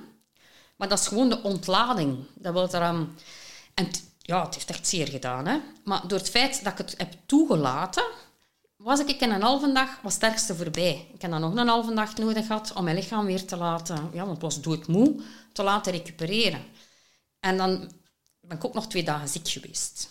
Nu, ik wil niet iedereen hier afschrikken dat dat altijd zo is met om het even wat dat je aankaart. Hè? Want meestal is dat niet. Maar als je echt bereid bent om heel diep te gaan, dan kunnen die, die, die tijd dat je in dat diepe zit, kunnen enorm verkorten. En het is daar dat je veerkracht meespeelt. Als je een goede veerkracht hebt en je hebt de kracht om dat diepe, dat negatieve, dat echt zeer doet, er volledig in te gaan, dan ga je heel snel weer omhoog schieten. Ja, dat, dat merk ik ook. Want En dan kom je heel snel in die aanhalingstekens positieve emoties terug. Ja, maar je, kunt daar ook weer heel snel uitgehaald worden, vind ik wel. Ja, Ehm, en, als je bereid bent om het te wel, voelen. Ja, ja en, en, maar dat toelaten, ja, dat is, dat is wel pijnlijk. Ja, en dat is leren. Hè. het is allemaal... we zijn zo geprogrammeerd om dat altijd te vermijden. Alles. En te ontwijken, of te verdoven, of te vluchten, of te vechten. Maar het is zoals gezegd, het toelaten. En echt wel, ja, een keer dat dat is doorleefd, doorvoeld, is het weg. Maar eh, ik heb zodanig veel ingenieuze systeempjes en eh, door de jaren heen opgebouwd, dat je dat om den duur niet meer beseft. Je krijgt al die signaal, tjoek, ah ja, oké, ja, ik ga een koek eten, of ah, ik ga dat doen, of ah ja, ik kan Ja, en dan is het een kwestie vaak van, en dat is het leuk bij een team van Els, stel dat er een, iemand iets gedaan heeft dat, dat, een ander niet zo weet appreciëren, maar dat je de moed hebt om in je kwetsbaarheid te gaan staan en zeggen, kijk, dat in nu bij mij, dat, dat gevoel wel eh, teweeggebracht. En als je het dan kunt bespreken wat dat er daar allemaal achter zit, Magie. En wat dat de intentie uiteindelijk geweest was van de persoon die iets gedaan heeft, ja, meestal klopt dat niet. Hè? Maar als je dat kunt uitspreken en uitpraten, ja, dan, eh, dan gebeurt er wel hele mooie dingen. En we hebben vanuit onze hechtingsstijl, van onze manier waarop we gegroeid, opgegroeid zijn met de mensen die eh, voor ons gezorgd hebben, hebben we allemaal patronen. Hè? Maar je hebt verschillende types van hechtingsstijlen. En naar gelang welk type van hechtingsstijl dat je hebt, reageert het totaal anders op dezelfde situatie. En als, hoe beter dat je dat van elkaar leert kennen, hoe makkelijker dat is om, om gewoon in je kwetsbaarheid te zeggen ja, ik weet het, ik ben mij waarschijnlijk mezelf weer iets aan het wijsmaken, maar kijk, dit moet er nu even uit. En dan kunnen we dat uitspreken en dan kun je weer verder. Eh, hechtingsstijlen, je hebt enkele hechtingsstijlen. Kunnen we een keer een paar voorbeelden En, geven? ja, dus je hebt, je hechtingsstijl is de manier waarop dat je ge- gehecht bent naar de mensen dat je lief had. We willen allemaal graag gezien worden. En om graag gezien te worden, eh, gaan we bepaalde patronen oppakken. En dat gaat je hechtingsstijl bepalen. We hebben enerzijds wat dat we noemen een veilige hechtingsstijl. Dus dat zijn de mensen die zich altijd veilig voelen, die, allee, in de meeste gevallen dan toch, en die echt een stevige basis hebben, omdat ze iemand hadden qua opvoeding. Dat kunnen ouders zijn, grootouders.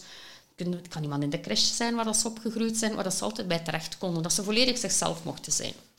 Dat is de veilige hechtingsstijl. Dan heb je de angstige hechtingsstijl. Dat zijn vooral de mensen die geleerd hebben... Ah, kan alleen maar op mezelf vertrouwen. Op een ander moet ik niet vertrouwen, want dat gaat toch niks geven. Onveilig gehecht. Ja, die zijn onveilig gehecht en die gaan... ehm, in het Engels noemen we dat de avoidant hechtingsstijl. Dus die gaan... eh, als iemand nieuw leren kennen, oeh, dat gaat eerst heel voorzichtig zijn, niet te rap, niet te dingen. Want, eh, mm. En op het moment dat het echt spannend wordt, hup, die gaan wegtrekken en die moeten eerst wat tijd voor hun eigen hebben.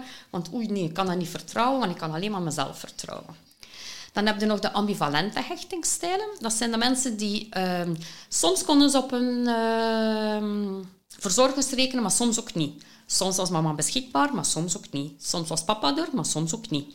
Dus die weten zo niet goed van, oei, ga ik er nu op kunnen rekenen of niet? En dat zijn de mensen die meestal ehm, heel uh, aan iemand kunnen vastklampen omdat ze schrikken van, oei, nu moet ik het pakken, want straks is het er niet meer. Hmm. Dus die gaan, kunnen heel aanhankelijk en heel uh, dingen... En dan hebben we nog de mensen, wat we noemen dan de disorganized hechtingstijl.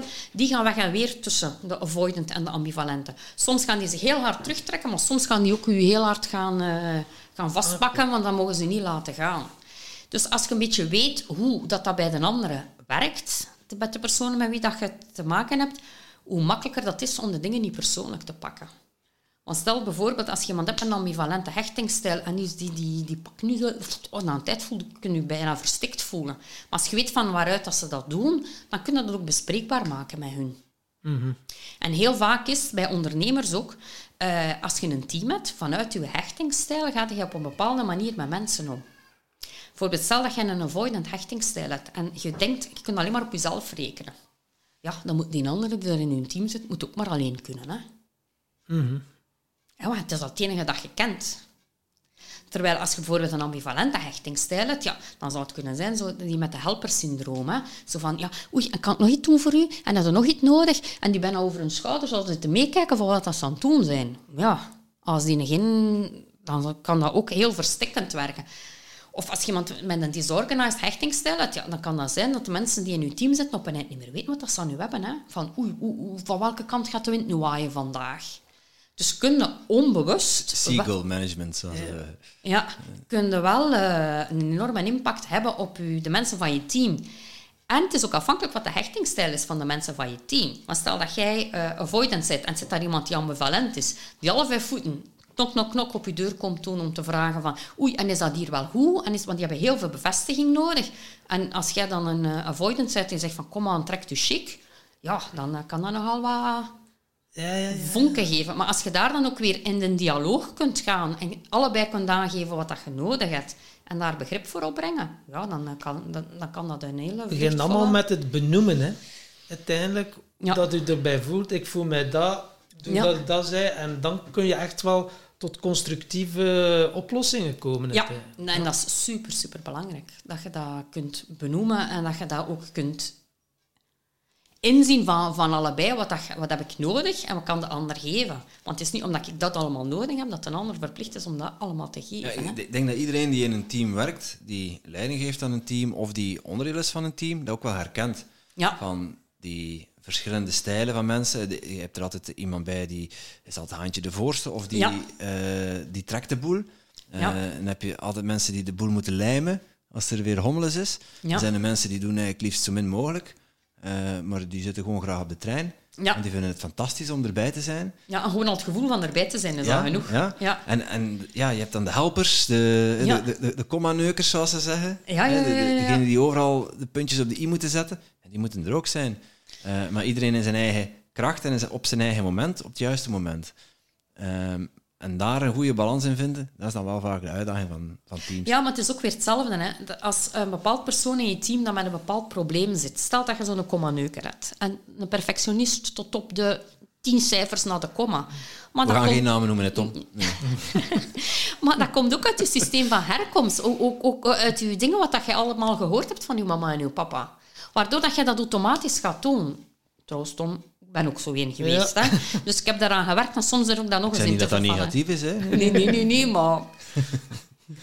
Uw gezicht sprak ook boekdelen. Ja, ah. voilà. dat, zien voelen... de, zien de mensen in de, podcast. Het is niet wat dat zegt, wij voelen uh, ja, dat, ja. dat is een energie, hè. Ja. Dat is mijn liefde, Ja, en, en, en dan kun je daar ook gaan werken. Als je kunt gaan terugkijken wat dat er daaronder zit, dan kun je daar ook wat en ga je nooit geen nonchalante tot en met worden. Hè? En dat moet ook niet, want er zit daar ook waarde en voordelen in voor het bedrijf dat je iemand hebt die dat doet. Bijvoorbeeld ik, projecten. Oh, iedereen had mij graag als projectleider, hè? want ik kon alles tot in de details was, was voorbereid. En er ging niks aan mijn controle ontsnappen en er ging niks gebeuren dat ik niet voorzien had. Maar het vergt wel heel veel energie van de persoon in kwestie. Ja, en, het vertrouwen is ook... Allez, als je alle controle naar je toetrekt, dan heeft jouw team ook geen vertrouwen in hetgeen wat zij zelf doen. Want... Dat, dat hangt er weer vanaf. Dat stukje zat er bij mij nu niet in. Maar het kan zijn dat je dat stukje ook hebt. Wel, als je echt alle controle naar je toe trekt, dan, dan creëer je dat. Er is een verschil. Hè. Alles onder controle willen hebben en, en En, houden. en alle Ja, controle naar je toe trekken. Ja. Is alles zelf willen, willen controleren? Of weet je wie, wie waarvoor verantwoordelijk is en heb je er vertrouwen in dat het goed dat ze gaat? het gaan doen. En dat je dan je deadlines hebt op wanneer dat je het gaat... eh, Ik denk, daar ligt wel een belangrijk verschil tussen of iets werkt of dat iets tegenwerkt. Ja. En dat is ook weer... De ene perfectionist is ook de andere niet. En allee, het is altijd heel gevaarlijk om te zeggen... Oh, een perfectionist, dat is toef, toef, toef, toef, toef. Al die dingen, maar dat, zo, zo werkt het niet. Ik kan nog geen ene perfectionist tegenkomen die exact hetzelfde is als een andere dat ik ook al eh, in mijn praktijk heb gehad. Ja, dat Dus, is eh, inderdaad wel. En dus eh, je coacht ook mensen op veerkrachtig leiderschap. Ja. Eh, wat is voor jou veerkrachtig leiderschap? Wat is er belangrijk? Ja. Voor mij veerkrachtig leiderschap is dat je als leider van je team een omgeving kunt creëren waarin iedereen zich veilig voelt. Want het is pas als je veilig voelt, dan je ook veel veerkrachtiger. En hoe kun je als leider zo een omgeving creëren dat alle mensen dat je hebt in je team zich ook veilig kunnen voelen? En dan is ten eerste ding is zelf durven kwetsbaar te zijn. Maar als jij denkt van, ik weet hier alles en kan alles en eh, blijf alsjeblieft ver dingen. Ja, ook gevoel meebrengen in je werk. Vertrouwen hebben in je mensen. Want als ze voelen dat je geen vertrouwen hebt, dan gaan ze ook niet veerkrachtig zijn. Ehm, vanuit waardering werken. Dus in eerste instantie dat je vooral van iedereen heel goed ziet welke dat de talenten zijn, welke dat de dingen zijn dat ze heel goed kunnen. En dat je dat ook uitspreekt. Als er dingen zijn die minder gaan, dat je dat op een constructieve manier kunt aanpakken. Dat dat niet is van, hey, tjuk, je hebt dat en dat niet goed gedaan, maar dat we gaan samen kijken van hoe kunnen we een team dan zorgen. Oké, stel dat jij daar minder goed in bent. Dus dat je niet vertrekt zo met die job descriptions van, ah ja, en dat is uw rol, en dat is dat van Ja. nu, en dat is dat van nu, en dat is dat van nu, zo de klassieke manier. Maar dat je echt gaat kijken van waar zitten de talenten. En bijvoorbeeld als je een project hebt, dat je gaat kijken van welke talenten heb ik nodig in dit project. En dan zeg je, oké, en jij gaat dat stukje van het project doen met jouw talent en jij gaat een ander stukje doen met jouw ander talent. En dat je van daaruit vooral gaat, ehm, gaat werken. En heel vaak wat ik tegenkom bij ondernemers is dat het heel moeilijk is om anderen te vertrouwen en erop te durven vertrouwen. Ook al maken ze fouten, dat het goed gaat komen. En dat je de mensen kunt laten fouten maken. Ja, heel belangrijk, hè? Ja, want als je dat niet kunt toelaten, dan, dat je dat eh, zegt, ja. Ja, dan, eh, dan, eh, kom, dan gaan Fouten de maken, resultaten... zijn wel eens fouten maken mag, maar er is niet veel wat moet, maar fouten maken moet je. het moet je moet kunnen. fouten maken. Ja, Want als je moet geen fouten kunnen fouten maken. gemaakt hebt, dan zijn je maken. niet tot het uiterste gegaan. Ja. Mhm. Want dan wil zeggen dat er nog meer in zit. Ja, dan zit het Of dat je toevallig alle dingen goed doet, dat kan ook. hè. Ja, maar daar Ja. geloof ik niet zo fel de in. kans. Ja, nee, bij mij niet. Want dat vond ik als, als manager ook altijd belangrijk, dat de mensen wisten, ga ik hier nu een flater begaan? Kijk, Patricia, de deur staat open. Ik ga gewoon naar binnen. Ik ga zeggen wat ik gedaan heb en eh, het gevolg ervan. En dat, ik heb nooit verweten. Altijd samen gaan kijken van hoe kunnen we nu, dat nu nog recht trekken, want dat is wel nodig. En wie heb je nodig om dat nog te kunnen rechttrekken? En dan eh, zorgen we wel dat de anderen in het team dan wel meehielpen om het recht te trekken. En dan gaan kijken hoe komt het dat gebeurd is. En, eh, En er samen uit leren. En niet alleen die ene persoon dingen, maar dat ook... Allee, dat, dat je met z'n allen ook in de kwetsbaarheid kunt gaan staan. Oké, ik heb die fout gemaakt, maar wat kunnen we er nu uit leren, zodat iedereen er kan uit leren en niet alleen die ene persoon. En eh, ja, voor fouten te maken moet je al uit je comfortzone komen. Eh, hoe haal je mensen uit hun comfortzone? Heb je daar trucjes of eh, tips voor? Trucjes, ja, ik, ik ben niet zo van de trucjes en de tips. Tips? Of, Eh, eh, Voor mij is het vooral... Ja, dat is het einde van het podcastgesprek. Dit. Het, het, het gaat vooral, mensen komen uit een comfortzone als ze voelen dat er vertrouwen is, als er veiligheid is. Als het niet veilig voelt, dan gaan ze niet uit hun comfortzone komen. Ik ook niet, hè. Mocht jij mij, ik ben iemand die makkelijk uit mijn comfortzone komt, maar als het niet veilig voelt, dan ga ik het ook niet doen. Dus als manager, als leidinggevende, als leider is het belangrijk dat je die, dat vertrouwen kunt creëren. En dat vertrouwen kunnen maar creëren door eerst zelf uit de comfortzone te komen, jezelf kwetsbaar te durven opstaan, in feite een goed voorbeeld geven. Hè. ja, uiteindelijk wel. Want je hebt dus de zones. Je hebt de comfortzone, de learning zone, Ja. de panic zone en dan komt in de magic zone. Ja. Uiteindelijk. En, en het is kwestie van dat je voelt dat je het vangnet hebt, dat je op kunt terugvallen als het bij jou fout loopt. Ja, wat is zoals eh, iemand zei van, kijk, je kunt op de rand van een afgrond staan, maar zolang dat je niet springt, ga je nooit niet weten dat je kunt vliegen of dat je wordt gedragen. Ja. Dus het is wel, ja, je kunt je er wel aan die afgrond met je vleugels slaan, maar, je weet het niet. Het is pas door te springen dat je weet, ah, wauw, ik word gedragen door het leven. Maar het is in feite juist hetzelfde als een kindje die voor de eerste keer aan het rand van het zwembad staat. Hè? En jij als papa of mama zegt tegen dat kind, kom maar. Wanneer gaat dat kind springen? Als ze jou vertrouwt en er vertrouwen in heeft, dat jij gaat zorgen dat ze niks tegenkomt, dat... Ja. dan alleen gaat hij springen. En het is net hetzelfde met je team. Die gaan ook alleen maar springen als ze jou vertrouwen. je dat vertrouwen en die veiligheid hebt gecreëerd op een manier. En dat is dag in dag uit hard werken. Hè? En te durven kijken op het moment dat jij... Jij maakt ook fouten, hè? Of dat je, ook, dat je daar niet volledig in gegaan bent, maar dat je ook even uit de bocht gevlogen bent, dat je ook durft in een kwetsbaarheid te gaan staan en toe te geven, ja, kijk, het spijt me, maar hier ben ik ook uit de bocht gegaan. En ik heb dat geleerd ook, want ik heb heel vaak eh, SAP en zo geïmplementeerd. Ik heb ook fouten gemaakt. Maar op het moment dat je durft toe te geven aan je team dat je het verkeerd hebt ingeschat en dat je fout hebt gemaakt, en als je een goed team hebt, dan staan die er allemaal achter u en dan die zorgen dat dat in orde komt. Ja, En dan worden er geen vragen gesteld van hoeveel inspanning vergt dat nu om dat in orde te brengen. Die gaan gewoon. Ik heb nog met heel veel mensen van vroeger nog jaarlijks contact. En gewoon als je ze terugziet, voelde dat vertrouwen is er. Ja, en, dat, dat is wel belangrijk, omdat dat, dat fouten maken mag. Maar ergens denk je van, voor jezelf, van, oeh, ik heb een fout gemaakt en, en dat is hier het einde van de wereld. Maar als je dan een leidinggevende hebt die daar, ja, en hoe komt dat? En wat is daar de bedoeling van geweest? En, en hoe, gaan we dat, hoe gaan we de volgende keer voorkomen? Ja, ze zijn aan het focussen op wat er fout is gegaan. Ja, Ze nee. Er is misschien iets moois uit voortgekomen. Of misschien niet, misschien heb je er een les uit geleerd. Eh, maar ja, wat doet dat met jou op dat moment? Maar En- het is voor jou als leidinggevende ook een les. Hè? Want Ah, ja. dan wil, ofwel heb jij iets niet genoeg comfort gecreëerd waardoor dat ze het wel konden. Of je, kunt, of je kunt de persoon geruststellen en zeggen van, ja, maar ja, kijk, dat, zie je die mensen allemaal van ons team? Die hebben allemaal, allemaal al allemaal, al geweest. Ik heb het zelf meegemaakt, zo en zo en zo. En dan, ja, dan geeft u dat inzicht van, je kunt er misschien op die manier naar kijken. Dus ja, onderzoek eens wat, dat, wat, wat dat er voor jezelf in zit. Hm. Dat is al een heel andere benadering dan zo van bovenaf met vingertje wijzen en focussen op het probleem, uitvergroten. En dan, ja, zeg maar een keer, wat, wat ga jij hier aan doen? Om dat Ja. hier op te lossen. Ja. Ja, maar mijn ding is altijd geweest als eh, leidinggevende. Hè. Ik zei altijd, ik ben gewoon maar de katalysator hier van dat team. Voor de rest, hè, ik, ik, doe, ik doe in feite niet veel. Want al de kennis zit, ja, en zeker als je zo'n brede dingen hebt, de kennis zit in mijn team, zit niet bij mij. Het enige wat ik kan doen, is faciliteren dat al die mensen van al die verschillende stukjes beter met elkaar gaan samenwerken. En het enige manier waarop dat je dan is een vertrouwen geven.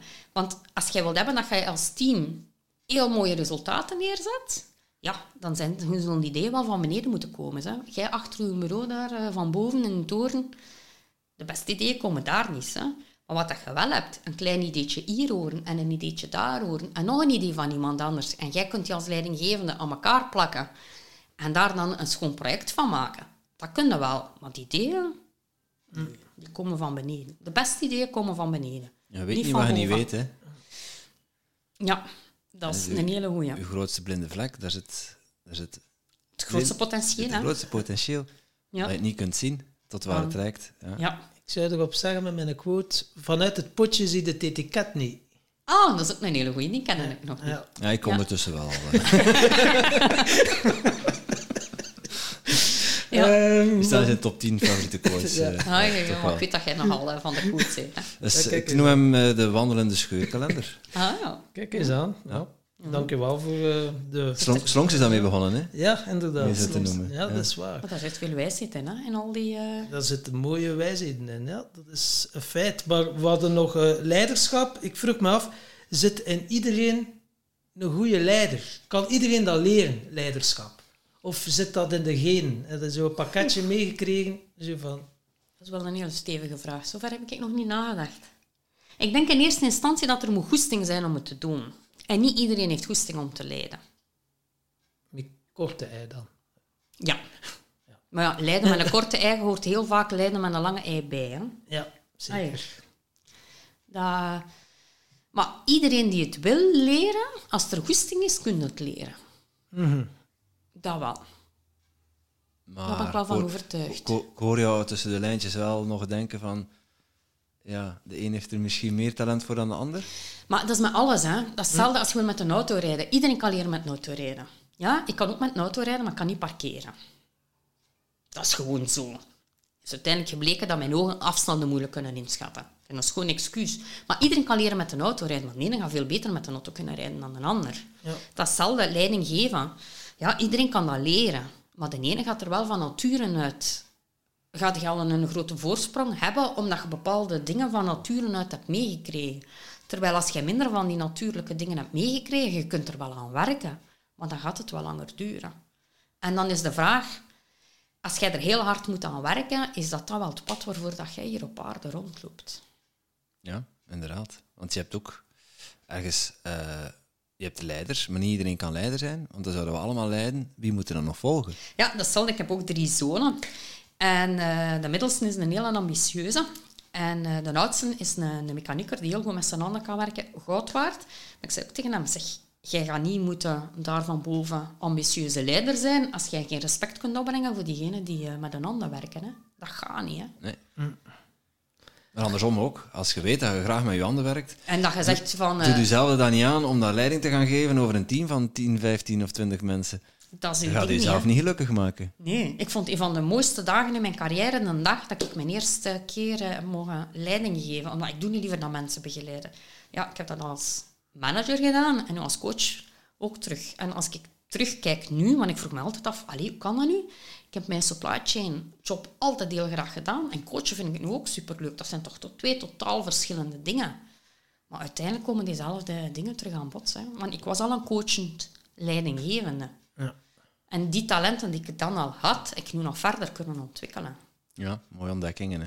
Dus En je zei ook van, ja, iedereen heeft zijn eigen pad te bewandelen. Eh, wat is jouw pad om te bewandelen? Wat is jouw missie hier? Eh, wat wilt het leven van jou? Ben je daar al achter? eh, ik ga zeggen wat dat vandaag voor mij is, want dat evolueert. Hè.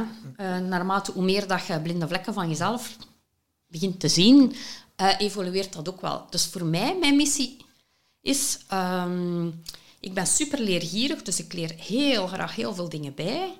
En als ik met de wijsheid dat ik daarmee kan verzamelen, anderen kan helpen op een pad, dan uh, dat is het mooiste voor mij wat dat er is.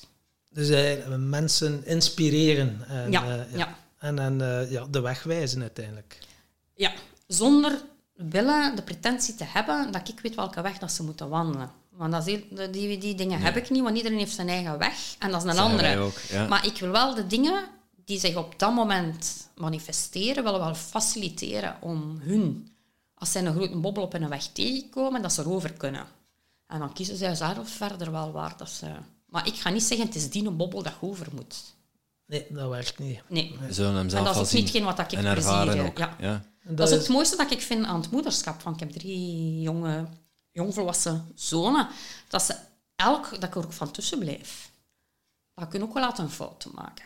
En dat ik van vroeger wil ik kost wat kost gaan helpen en een fout te voorkomen. Maar dat marcheert pijn eh, opvangen, eh, dat ze die pijn niet moeten voelen, dat je weet, ah, dat doucheer, hij moet jij dat niet voelen, jong manneke. Nee. En dat ik nu... Zij weten, als ze me nodig hebben, dat ik er ben. En ik ga wel altijd mijn wijsheid geven wat ik vind of denk dat er speelt. Maar het is aan hun om de keuze te maken wat dat ze er uiteindelijk mee doen. En wil ze hem in de wind slaan? Mij even goed. Ik blijf ze even graag zien. En dan gaan ze wel... eh, En af en toe botsen ze dan op hetgeen wat ik voorzien had. dat. En soms ook niet. En dan denk ik, ah, tja, ik had toch niet juist. Zie je wel, mama. Kan het wel. Ja. Ja, maar dat is zo wel. En ik heb ook een dochter van 19 en in het begin ja, wilde ik vooral, vooral alles voor haar doen. Maar dan eigenlijk pakte de ervaringen af die ze nodig hebben. Het leven geeft je enkel ervaringen die je op dat moment nodig hebt. Dus eigenlijk egoïstisch om Ja. ze te zeggen, ah, ik zal ik dat wel voor u oplossen. Want dan groeide niet. Als, eh, Nee, en dat geeft dan ook hun kansen niet dat ze krijgen. En dan moeten de dingen... Het moet dan nog een keer langs passeren, hè. Vooraleer dat ze het dan wel... eh, Ja, ja. klopt inderdaad. Eh, dat Het is is... mij toch al een paar keer de schellen van mijn ogen doen, doen vallen toen ik puber was. Maar eh Ja, ja, zo maar botsingen eh, met mijn ouders. Maar eh het is Ja. wel een spiegel. Je moet Zo het wel- kinderen hebben. zei dat? Ja. Ja, het zit nog heel veel spiegels in, hè. Ja. Dat is wel een feit. Ja. En ehm, onze podcast gaat over geluk en succes. En we hebben twee vragen die altijd terugkomen. Els zal u waarsch- ah ja, je hebt ook al onze podcast gehoord. Dus eh, onze eerste vraag, wat is jouw definitie van geluk? Van geluk. Voor mij is dat vooral genieten van het moment, van het nu. En daaruit halen wat dat erin zit. En niet heel de tijd te leven in het verleden of in de toekomst. Carpe diem. Ja, maar nu niet... Allee, voor mij carpe diem is zo'n beetje ehm, erop losleven. Dat is het voor mij nu niet. Het is wel ergens een gevoel hebben waar, in welke richting dat je pad gaat, maar toch niet op dat einddoel te zitten permanent te focussen van ik ben er nog niet, het moet dit zijn, het moet dat zijn, maar op het proces er naartoe en in het nu te pakken wat dat je kunt pakken. Ja. Want ik was vroeger altijd iemand, ja mensen, hè, oftewel gaan ze vluchten zo terug naar het verleden, was het verleden supergoed. En ik, mijn ding was altijd, ik vluchtte naar de toekomst. Ah ja, dan gaat het wel goed worden, dan gaat het wel goed zijn, Ja. dan gaat het wel niet. Terwijl dat ik nu geleerd heb, ook zelfs op de mindere momenten, zit er goud erin. En dat goud te kunnen pakken. En dat is voor mij gelukkig zijn. Kijk, mooi. Volledig Ja. mee eens. En Ja. Ja, geluk. eh, wij zien het samen als eh, geluk en succes. Ah, voor Eh, mij hoeft dat niet. we- het is niet, het is niet, het is niet samen. Hè. Wacht, wacht, la- Ja. laat, laat, laat mij anders formuleren. Ja. Wij zeggen van, dit Tim Tom podcast, jouw GPS naar geluk en succes. Voor iedereen is dat anders. Iedereen heeft zijn eigen route te bewandelen. Ehm, ik vind het altijd boeiend om, om dan ook eh, eens te polsen wat, wat voor jou succes betekent. Ja. Eh, hoe zou je dat definiëren? Voor mij is succes is dat ik die dingen kan realiseren dat ik wil. En zoals bij Els zeggen we altijd op, ons, op jouw eigen voorwaarden. En voor mij bijvoorbeeld een ondernemer die bij mij komt en die zegt gewoon nee, voor mij is het niet dat ik moet honderdduizenden euro's omzet halen. Voor mij is het gewoon als ik een omzet kan doen van 60.000 euro en ik weet wat ik wil doen, dat er dan niet zoveel mensen in geïnteresseerd zijn, maar dat ik er juist genoeg heb, dat ik in die mensen hun leven een verschil kan maken, ja, dan is dat voor mij is die mens ook succesvol. Als je die dingen in de wereld kunt zetten, waarvoor dat je denkt dat je hier bent, en dat je daar volop voor kunt gaan, dan zijn je succesvol. Ook al heb je het dan nog niet bereikt, maar voor het feit dat je eraan wil werken om dat te bereiken, is voor mij al succesvol. Mooi. Dat vallen en opstaan. Mooi. En jij komt echt wel over als een heel krachtige vrouw. Hoe doe je dat om zo krachtig in het leven te staan? Heb jij bepaalde ochtendroutine of ritueel Ja, of zo? Heel veel naar mijn lichaam luisteren. Eh, en je lichaam voelen. Dus elke morgen scan ik heel mijn lijf af om te zien of dat er ergens een stukje is dat aandacht vraagt. En als ik ergens een pijntje voel, dan ga ik gaan kijken wat dat, dat pijntje mij wil zeggen. En bijvoorbeeld als ik pijn heb die zegt van "Goh, het is tijd om wat rust te pakken, dan pak ik, sla ik mijn agenda open en dan kijk ik, oei, waar kan ik hier eh, ergens eh, rust gaan inplannen. En voor mij is het belangrijk in mijn agenda dat ik ruimte heb om die dingen te kunnen doen. Maar voor mij is dat wel... Ja, ik ben nogal super krachtig gedreven. Dus mijn eh pitfall is dan dat ik zo gedreven ben dat ik... En dat ik intussen weet dat ik af en toe een keer op de rem moet gaan staan. Vandaar dat voor mij iedere morgen heel belangrijk is dat ik ten eerste luister naar mijn lichaam. Dat ik visualiseer waar dat ik naartoe wil.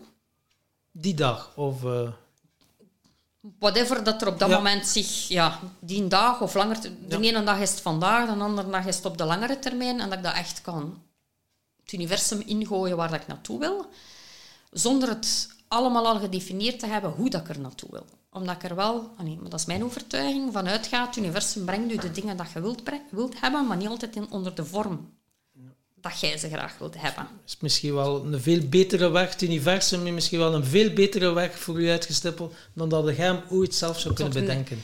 En zij, allee, want dat is mijn vertrouwen in het proces. Die weten welke lessen dat je nog nodig hebt en die gaan er wel voor zorgen dat je die krijgt. En op het moment dat je een krijgt, dat je er ook wel bewust kunt bij stilstaan. Dan van, oei, wat, heb ik hieruit te leren om een stap dichter te kunnen zetten naar dat van mij toe. Waar dat ik naartoe wil. En als je dan achteraf kijkt, ben ik altijd dankbaar dat al die lelijke dingen die op mijn pad gekomen zijn, ben ik wel dankbaar dat ze gebeurd zijn. Omdat dat je telkens die lessen eruit hebt geleerd om nu te kunnen staan waar ik vandaag sta. Had ik al die lessen niet gehad, dan ging ik vandaag de ondernemers niet kunnen coachen op het niveau dat ik ze kan coachen. Dus ja, een belangrijke vraag dat u zelf ook wel stelt, als je een tegenslag of iets hebt, dan niet, wat kan ik hieruit leren? Ja, dat is voor mij... Maar ja, mijn allergrootste waarde... want Ik weet niet of jullie het keuzekompas kennen. Anders is dat ook altijd een heel interessant. Nee. We ken hebben hem wel het groeikompas, maar dat is ons jaartraject. Keuzekompas. Moet maar eens, op, eh, op, eh, moet maar eens googlen. En dan uh, leer je zo je waarden kennen en wat dat je nodig hebt in je omgeving. Dat er moet aanwezig zijn om in beweging te komen. Als je dan in beweging komt, hoe wil je graag in beweging komen? En het hoogste niveau is waarom. Wat, wat loopt hier te doen? En voor mij is dat wijsheid verzamelen. Ik ben super leergierig wijsheid verzamelen en die kunnen doorgeven. Want als ik ze niet kan doorgeven, werkt het niet voor mij. Vandaar dat uit alles wat ik tegenkom, voor mij super belangrijk is om daaruit te leren. Maar dat is omdat dat, die waarde voor mij super belangrijk is. Ja, ja dat snap ik. Ja, dat en dat kan voor anderen kan het anders zijn. Hè. Voor, voor sommigen kan dat zijn hè, dat die gewoon vallen, opstaan en weer doorgaan. En dat dat marcheert. Hè. Maar voor mij marcheert dat niet. En dat keuzekompas, dat is eh, te vinden op internet. Ja. Iedereen kan dat eh, gewoon... www.keuzekompas.be Oké, en Ja. dat kan iedereen eh, gratis eh Eh, wel, er zijn keuzekompascoaches. Dat is ook een van de opleidingen dat ik in der tijd eh, gevolgd heb.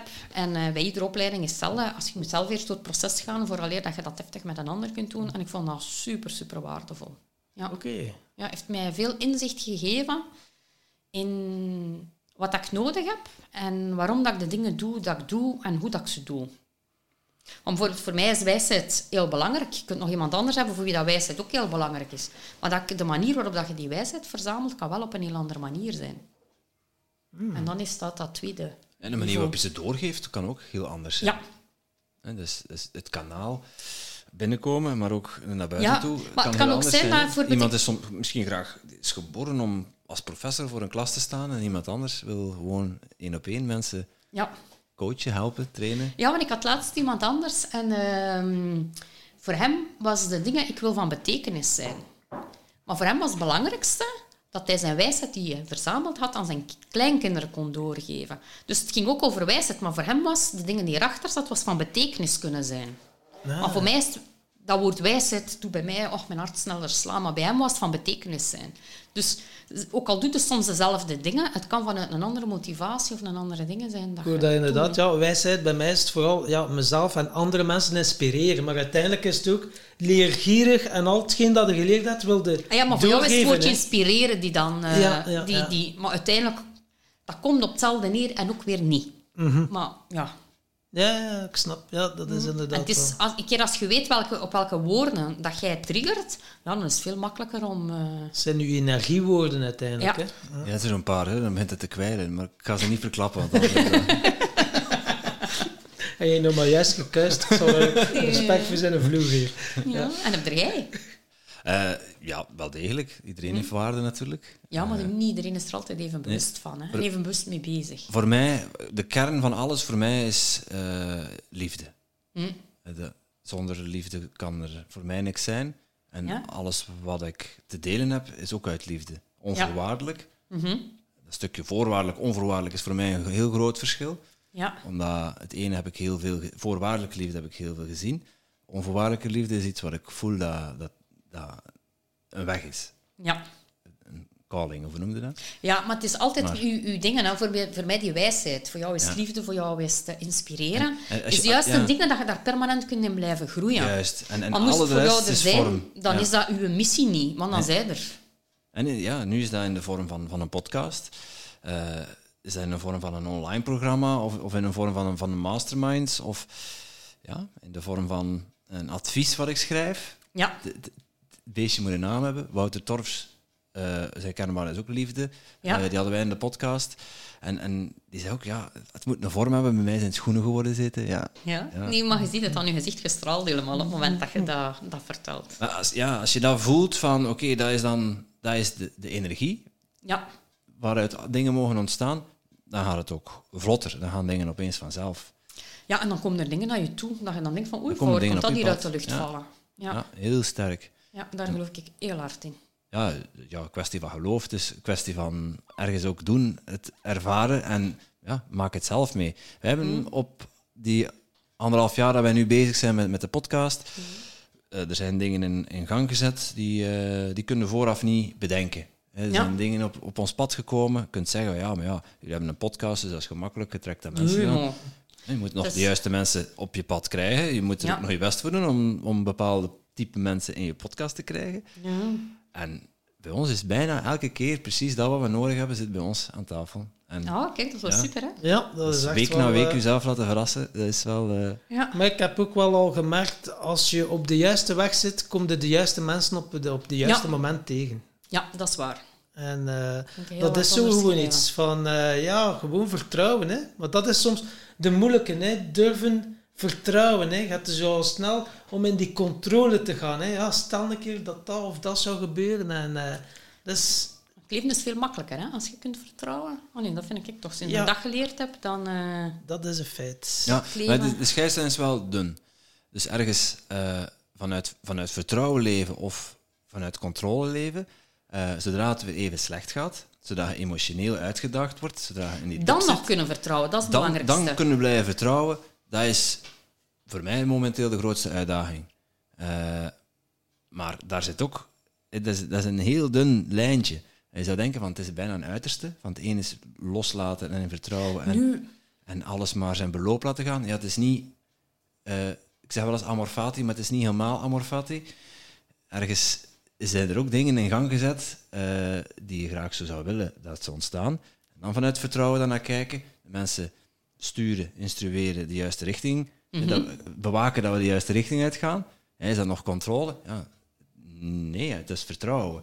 Het mag ontstaan ja, zoals het Voor ontstaat. mij is zo, je hebt, ik, ik werk graag van, je hebt aan de ene kant vertrouwen, aan de andere kant controle. En het Ja. gaat er niet over alleen maar 100% vertrouwen of 100% controle.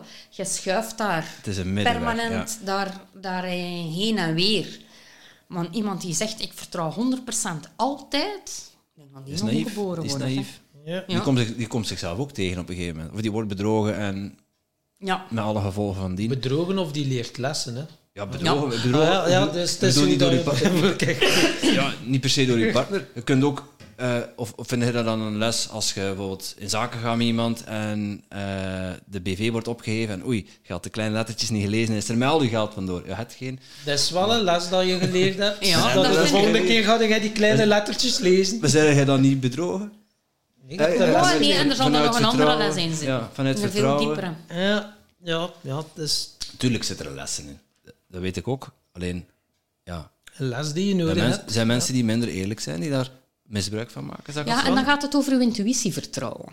Want als uw intuïtie nee zegt, en gaan we die naïeve dingen er toch in, dan zou het kunnen dat je naar de les leert. Ja. En als uw intuïtie... allee, bij mij is dat toch, hè, als mijn intuïtie ja zegt, en ik weet ook, bij mij zit dat hier heel specifiek, je kunt dat weten, waar dat uw intuïtie zit, heel specifiek hier, en ik weet hoe het dat voelt, want het is precies als... Ja, voor mannen is het wel moeilijk, hè, maar als vrouw, als je acht, negen maanden zwanger bent, en ze duwen zo met, dat, met de hiel van eh, de baby in uw buik hier, als uw ik dat gevoel voel, dan weet ik dat zit juist. En dan mag ik dat blindelings vertrouwen, dat komt altijd juist. En de intuïtie voor iedereen zit op een andere plaats. Ja, voor iedereen is dat wat eh, anders. En eh, hoe heb jij dat ontdekt? Kun je dat leren? Of eh, zijn er oefeningen voor? Ben Allee, de manier waarop dat ik dat geleerd heb, is vooral met, met vallen en opstaan. Leren luisteren naar je lichaam op het moment voordat je beslissingen pakt. En een tijd ja, vinden daar de rode draad in. Oké. Maar je kunt ook... Allee, ik kan jou daar wel in helpen om dan daar naartoe te gaan. Ja, ja, ja, ja. Dat is wel... Ja, wat ik had wel eh, zo... Als we die plantmedicijn deden, moesten we ook zo gaan voelen van... Wat is voor jou een ja en wat is voor jou een nee? Ja. En dat was eff- effectief... Oké, eerst moesten centren, dat middelpunt, hier. En dan moesten ze... Oké, wat is een nee? En dan voelde ik zo wat... Een benepen gevoel hier zo aan mijn borststreken, zo aan mijn kelen, zo wat precies...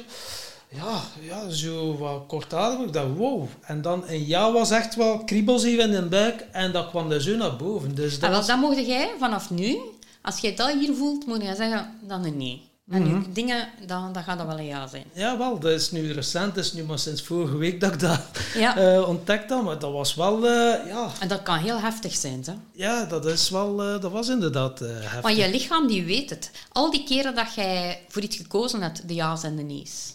Je lichaam weet het.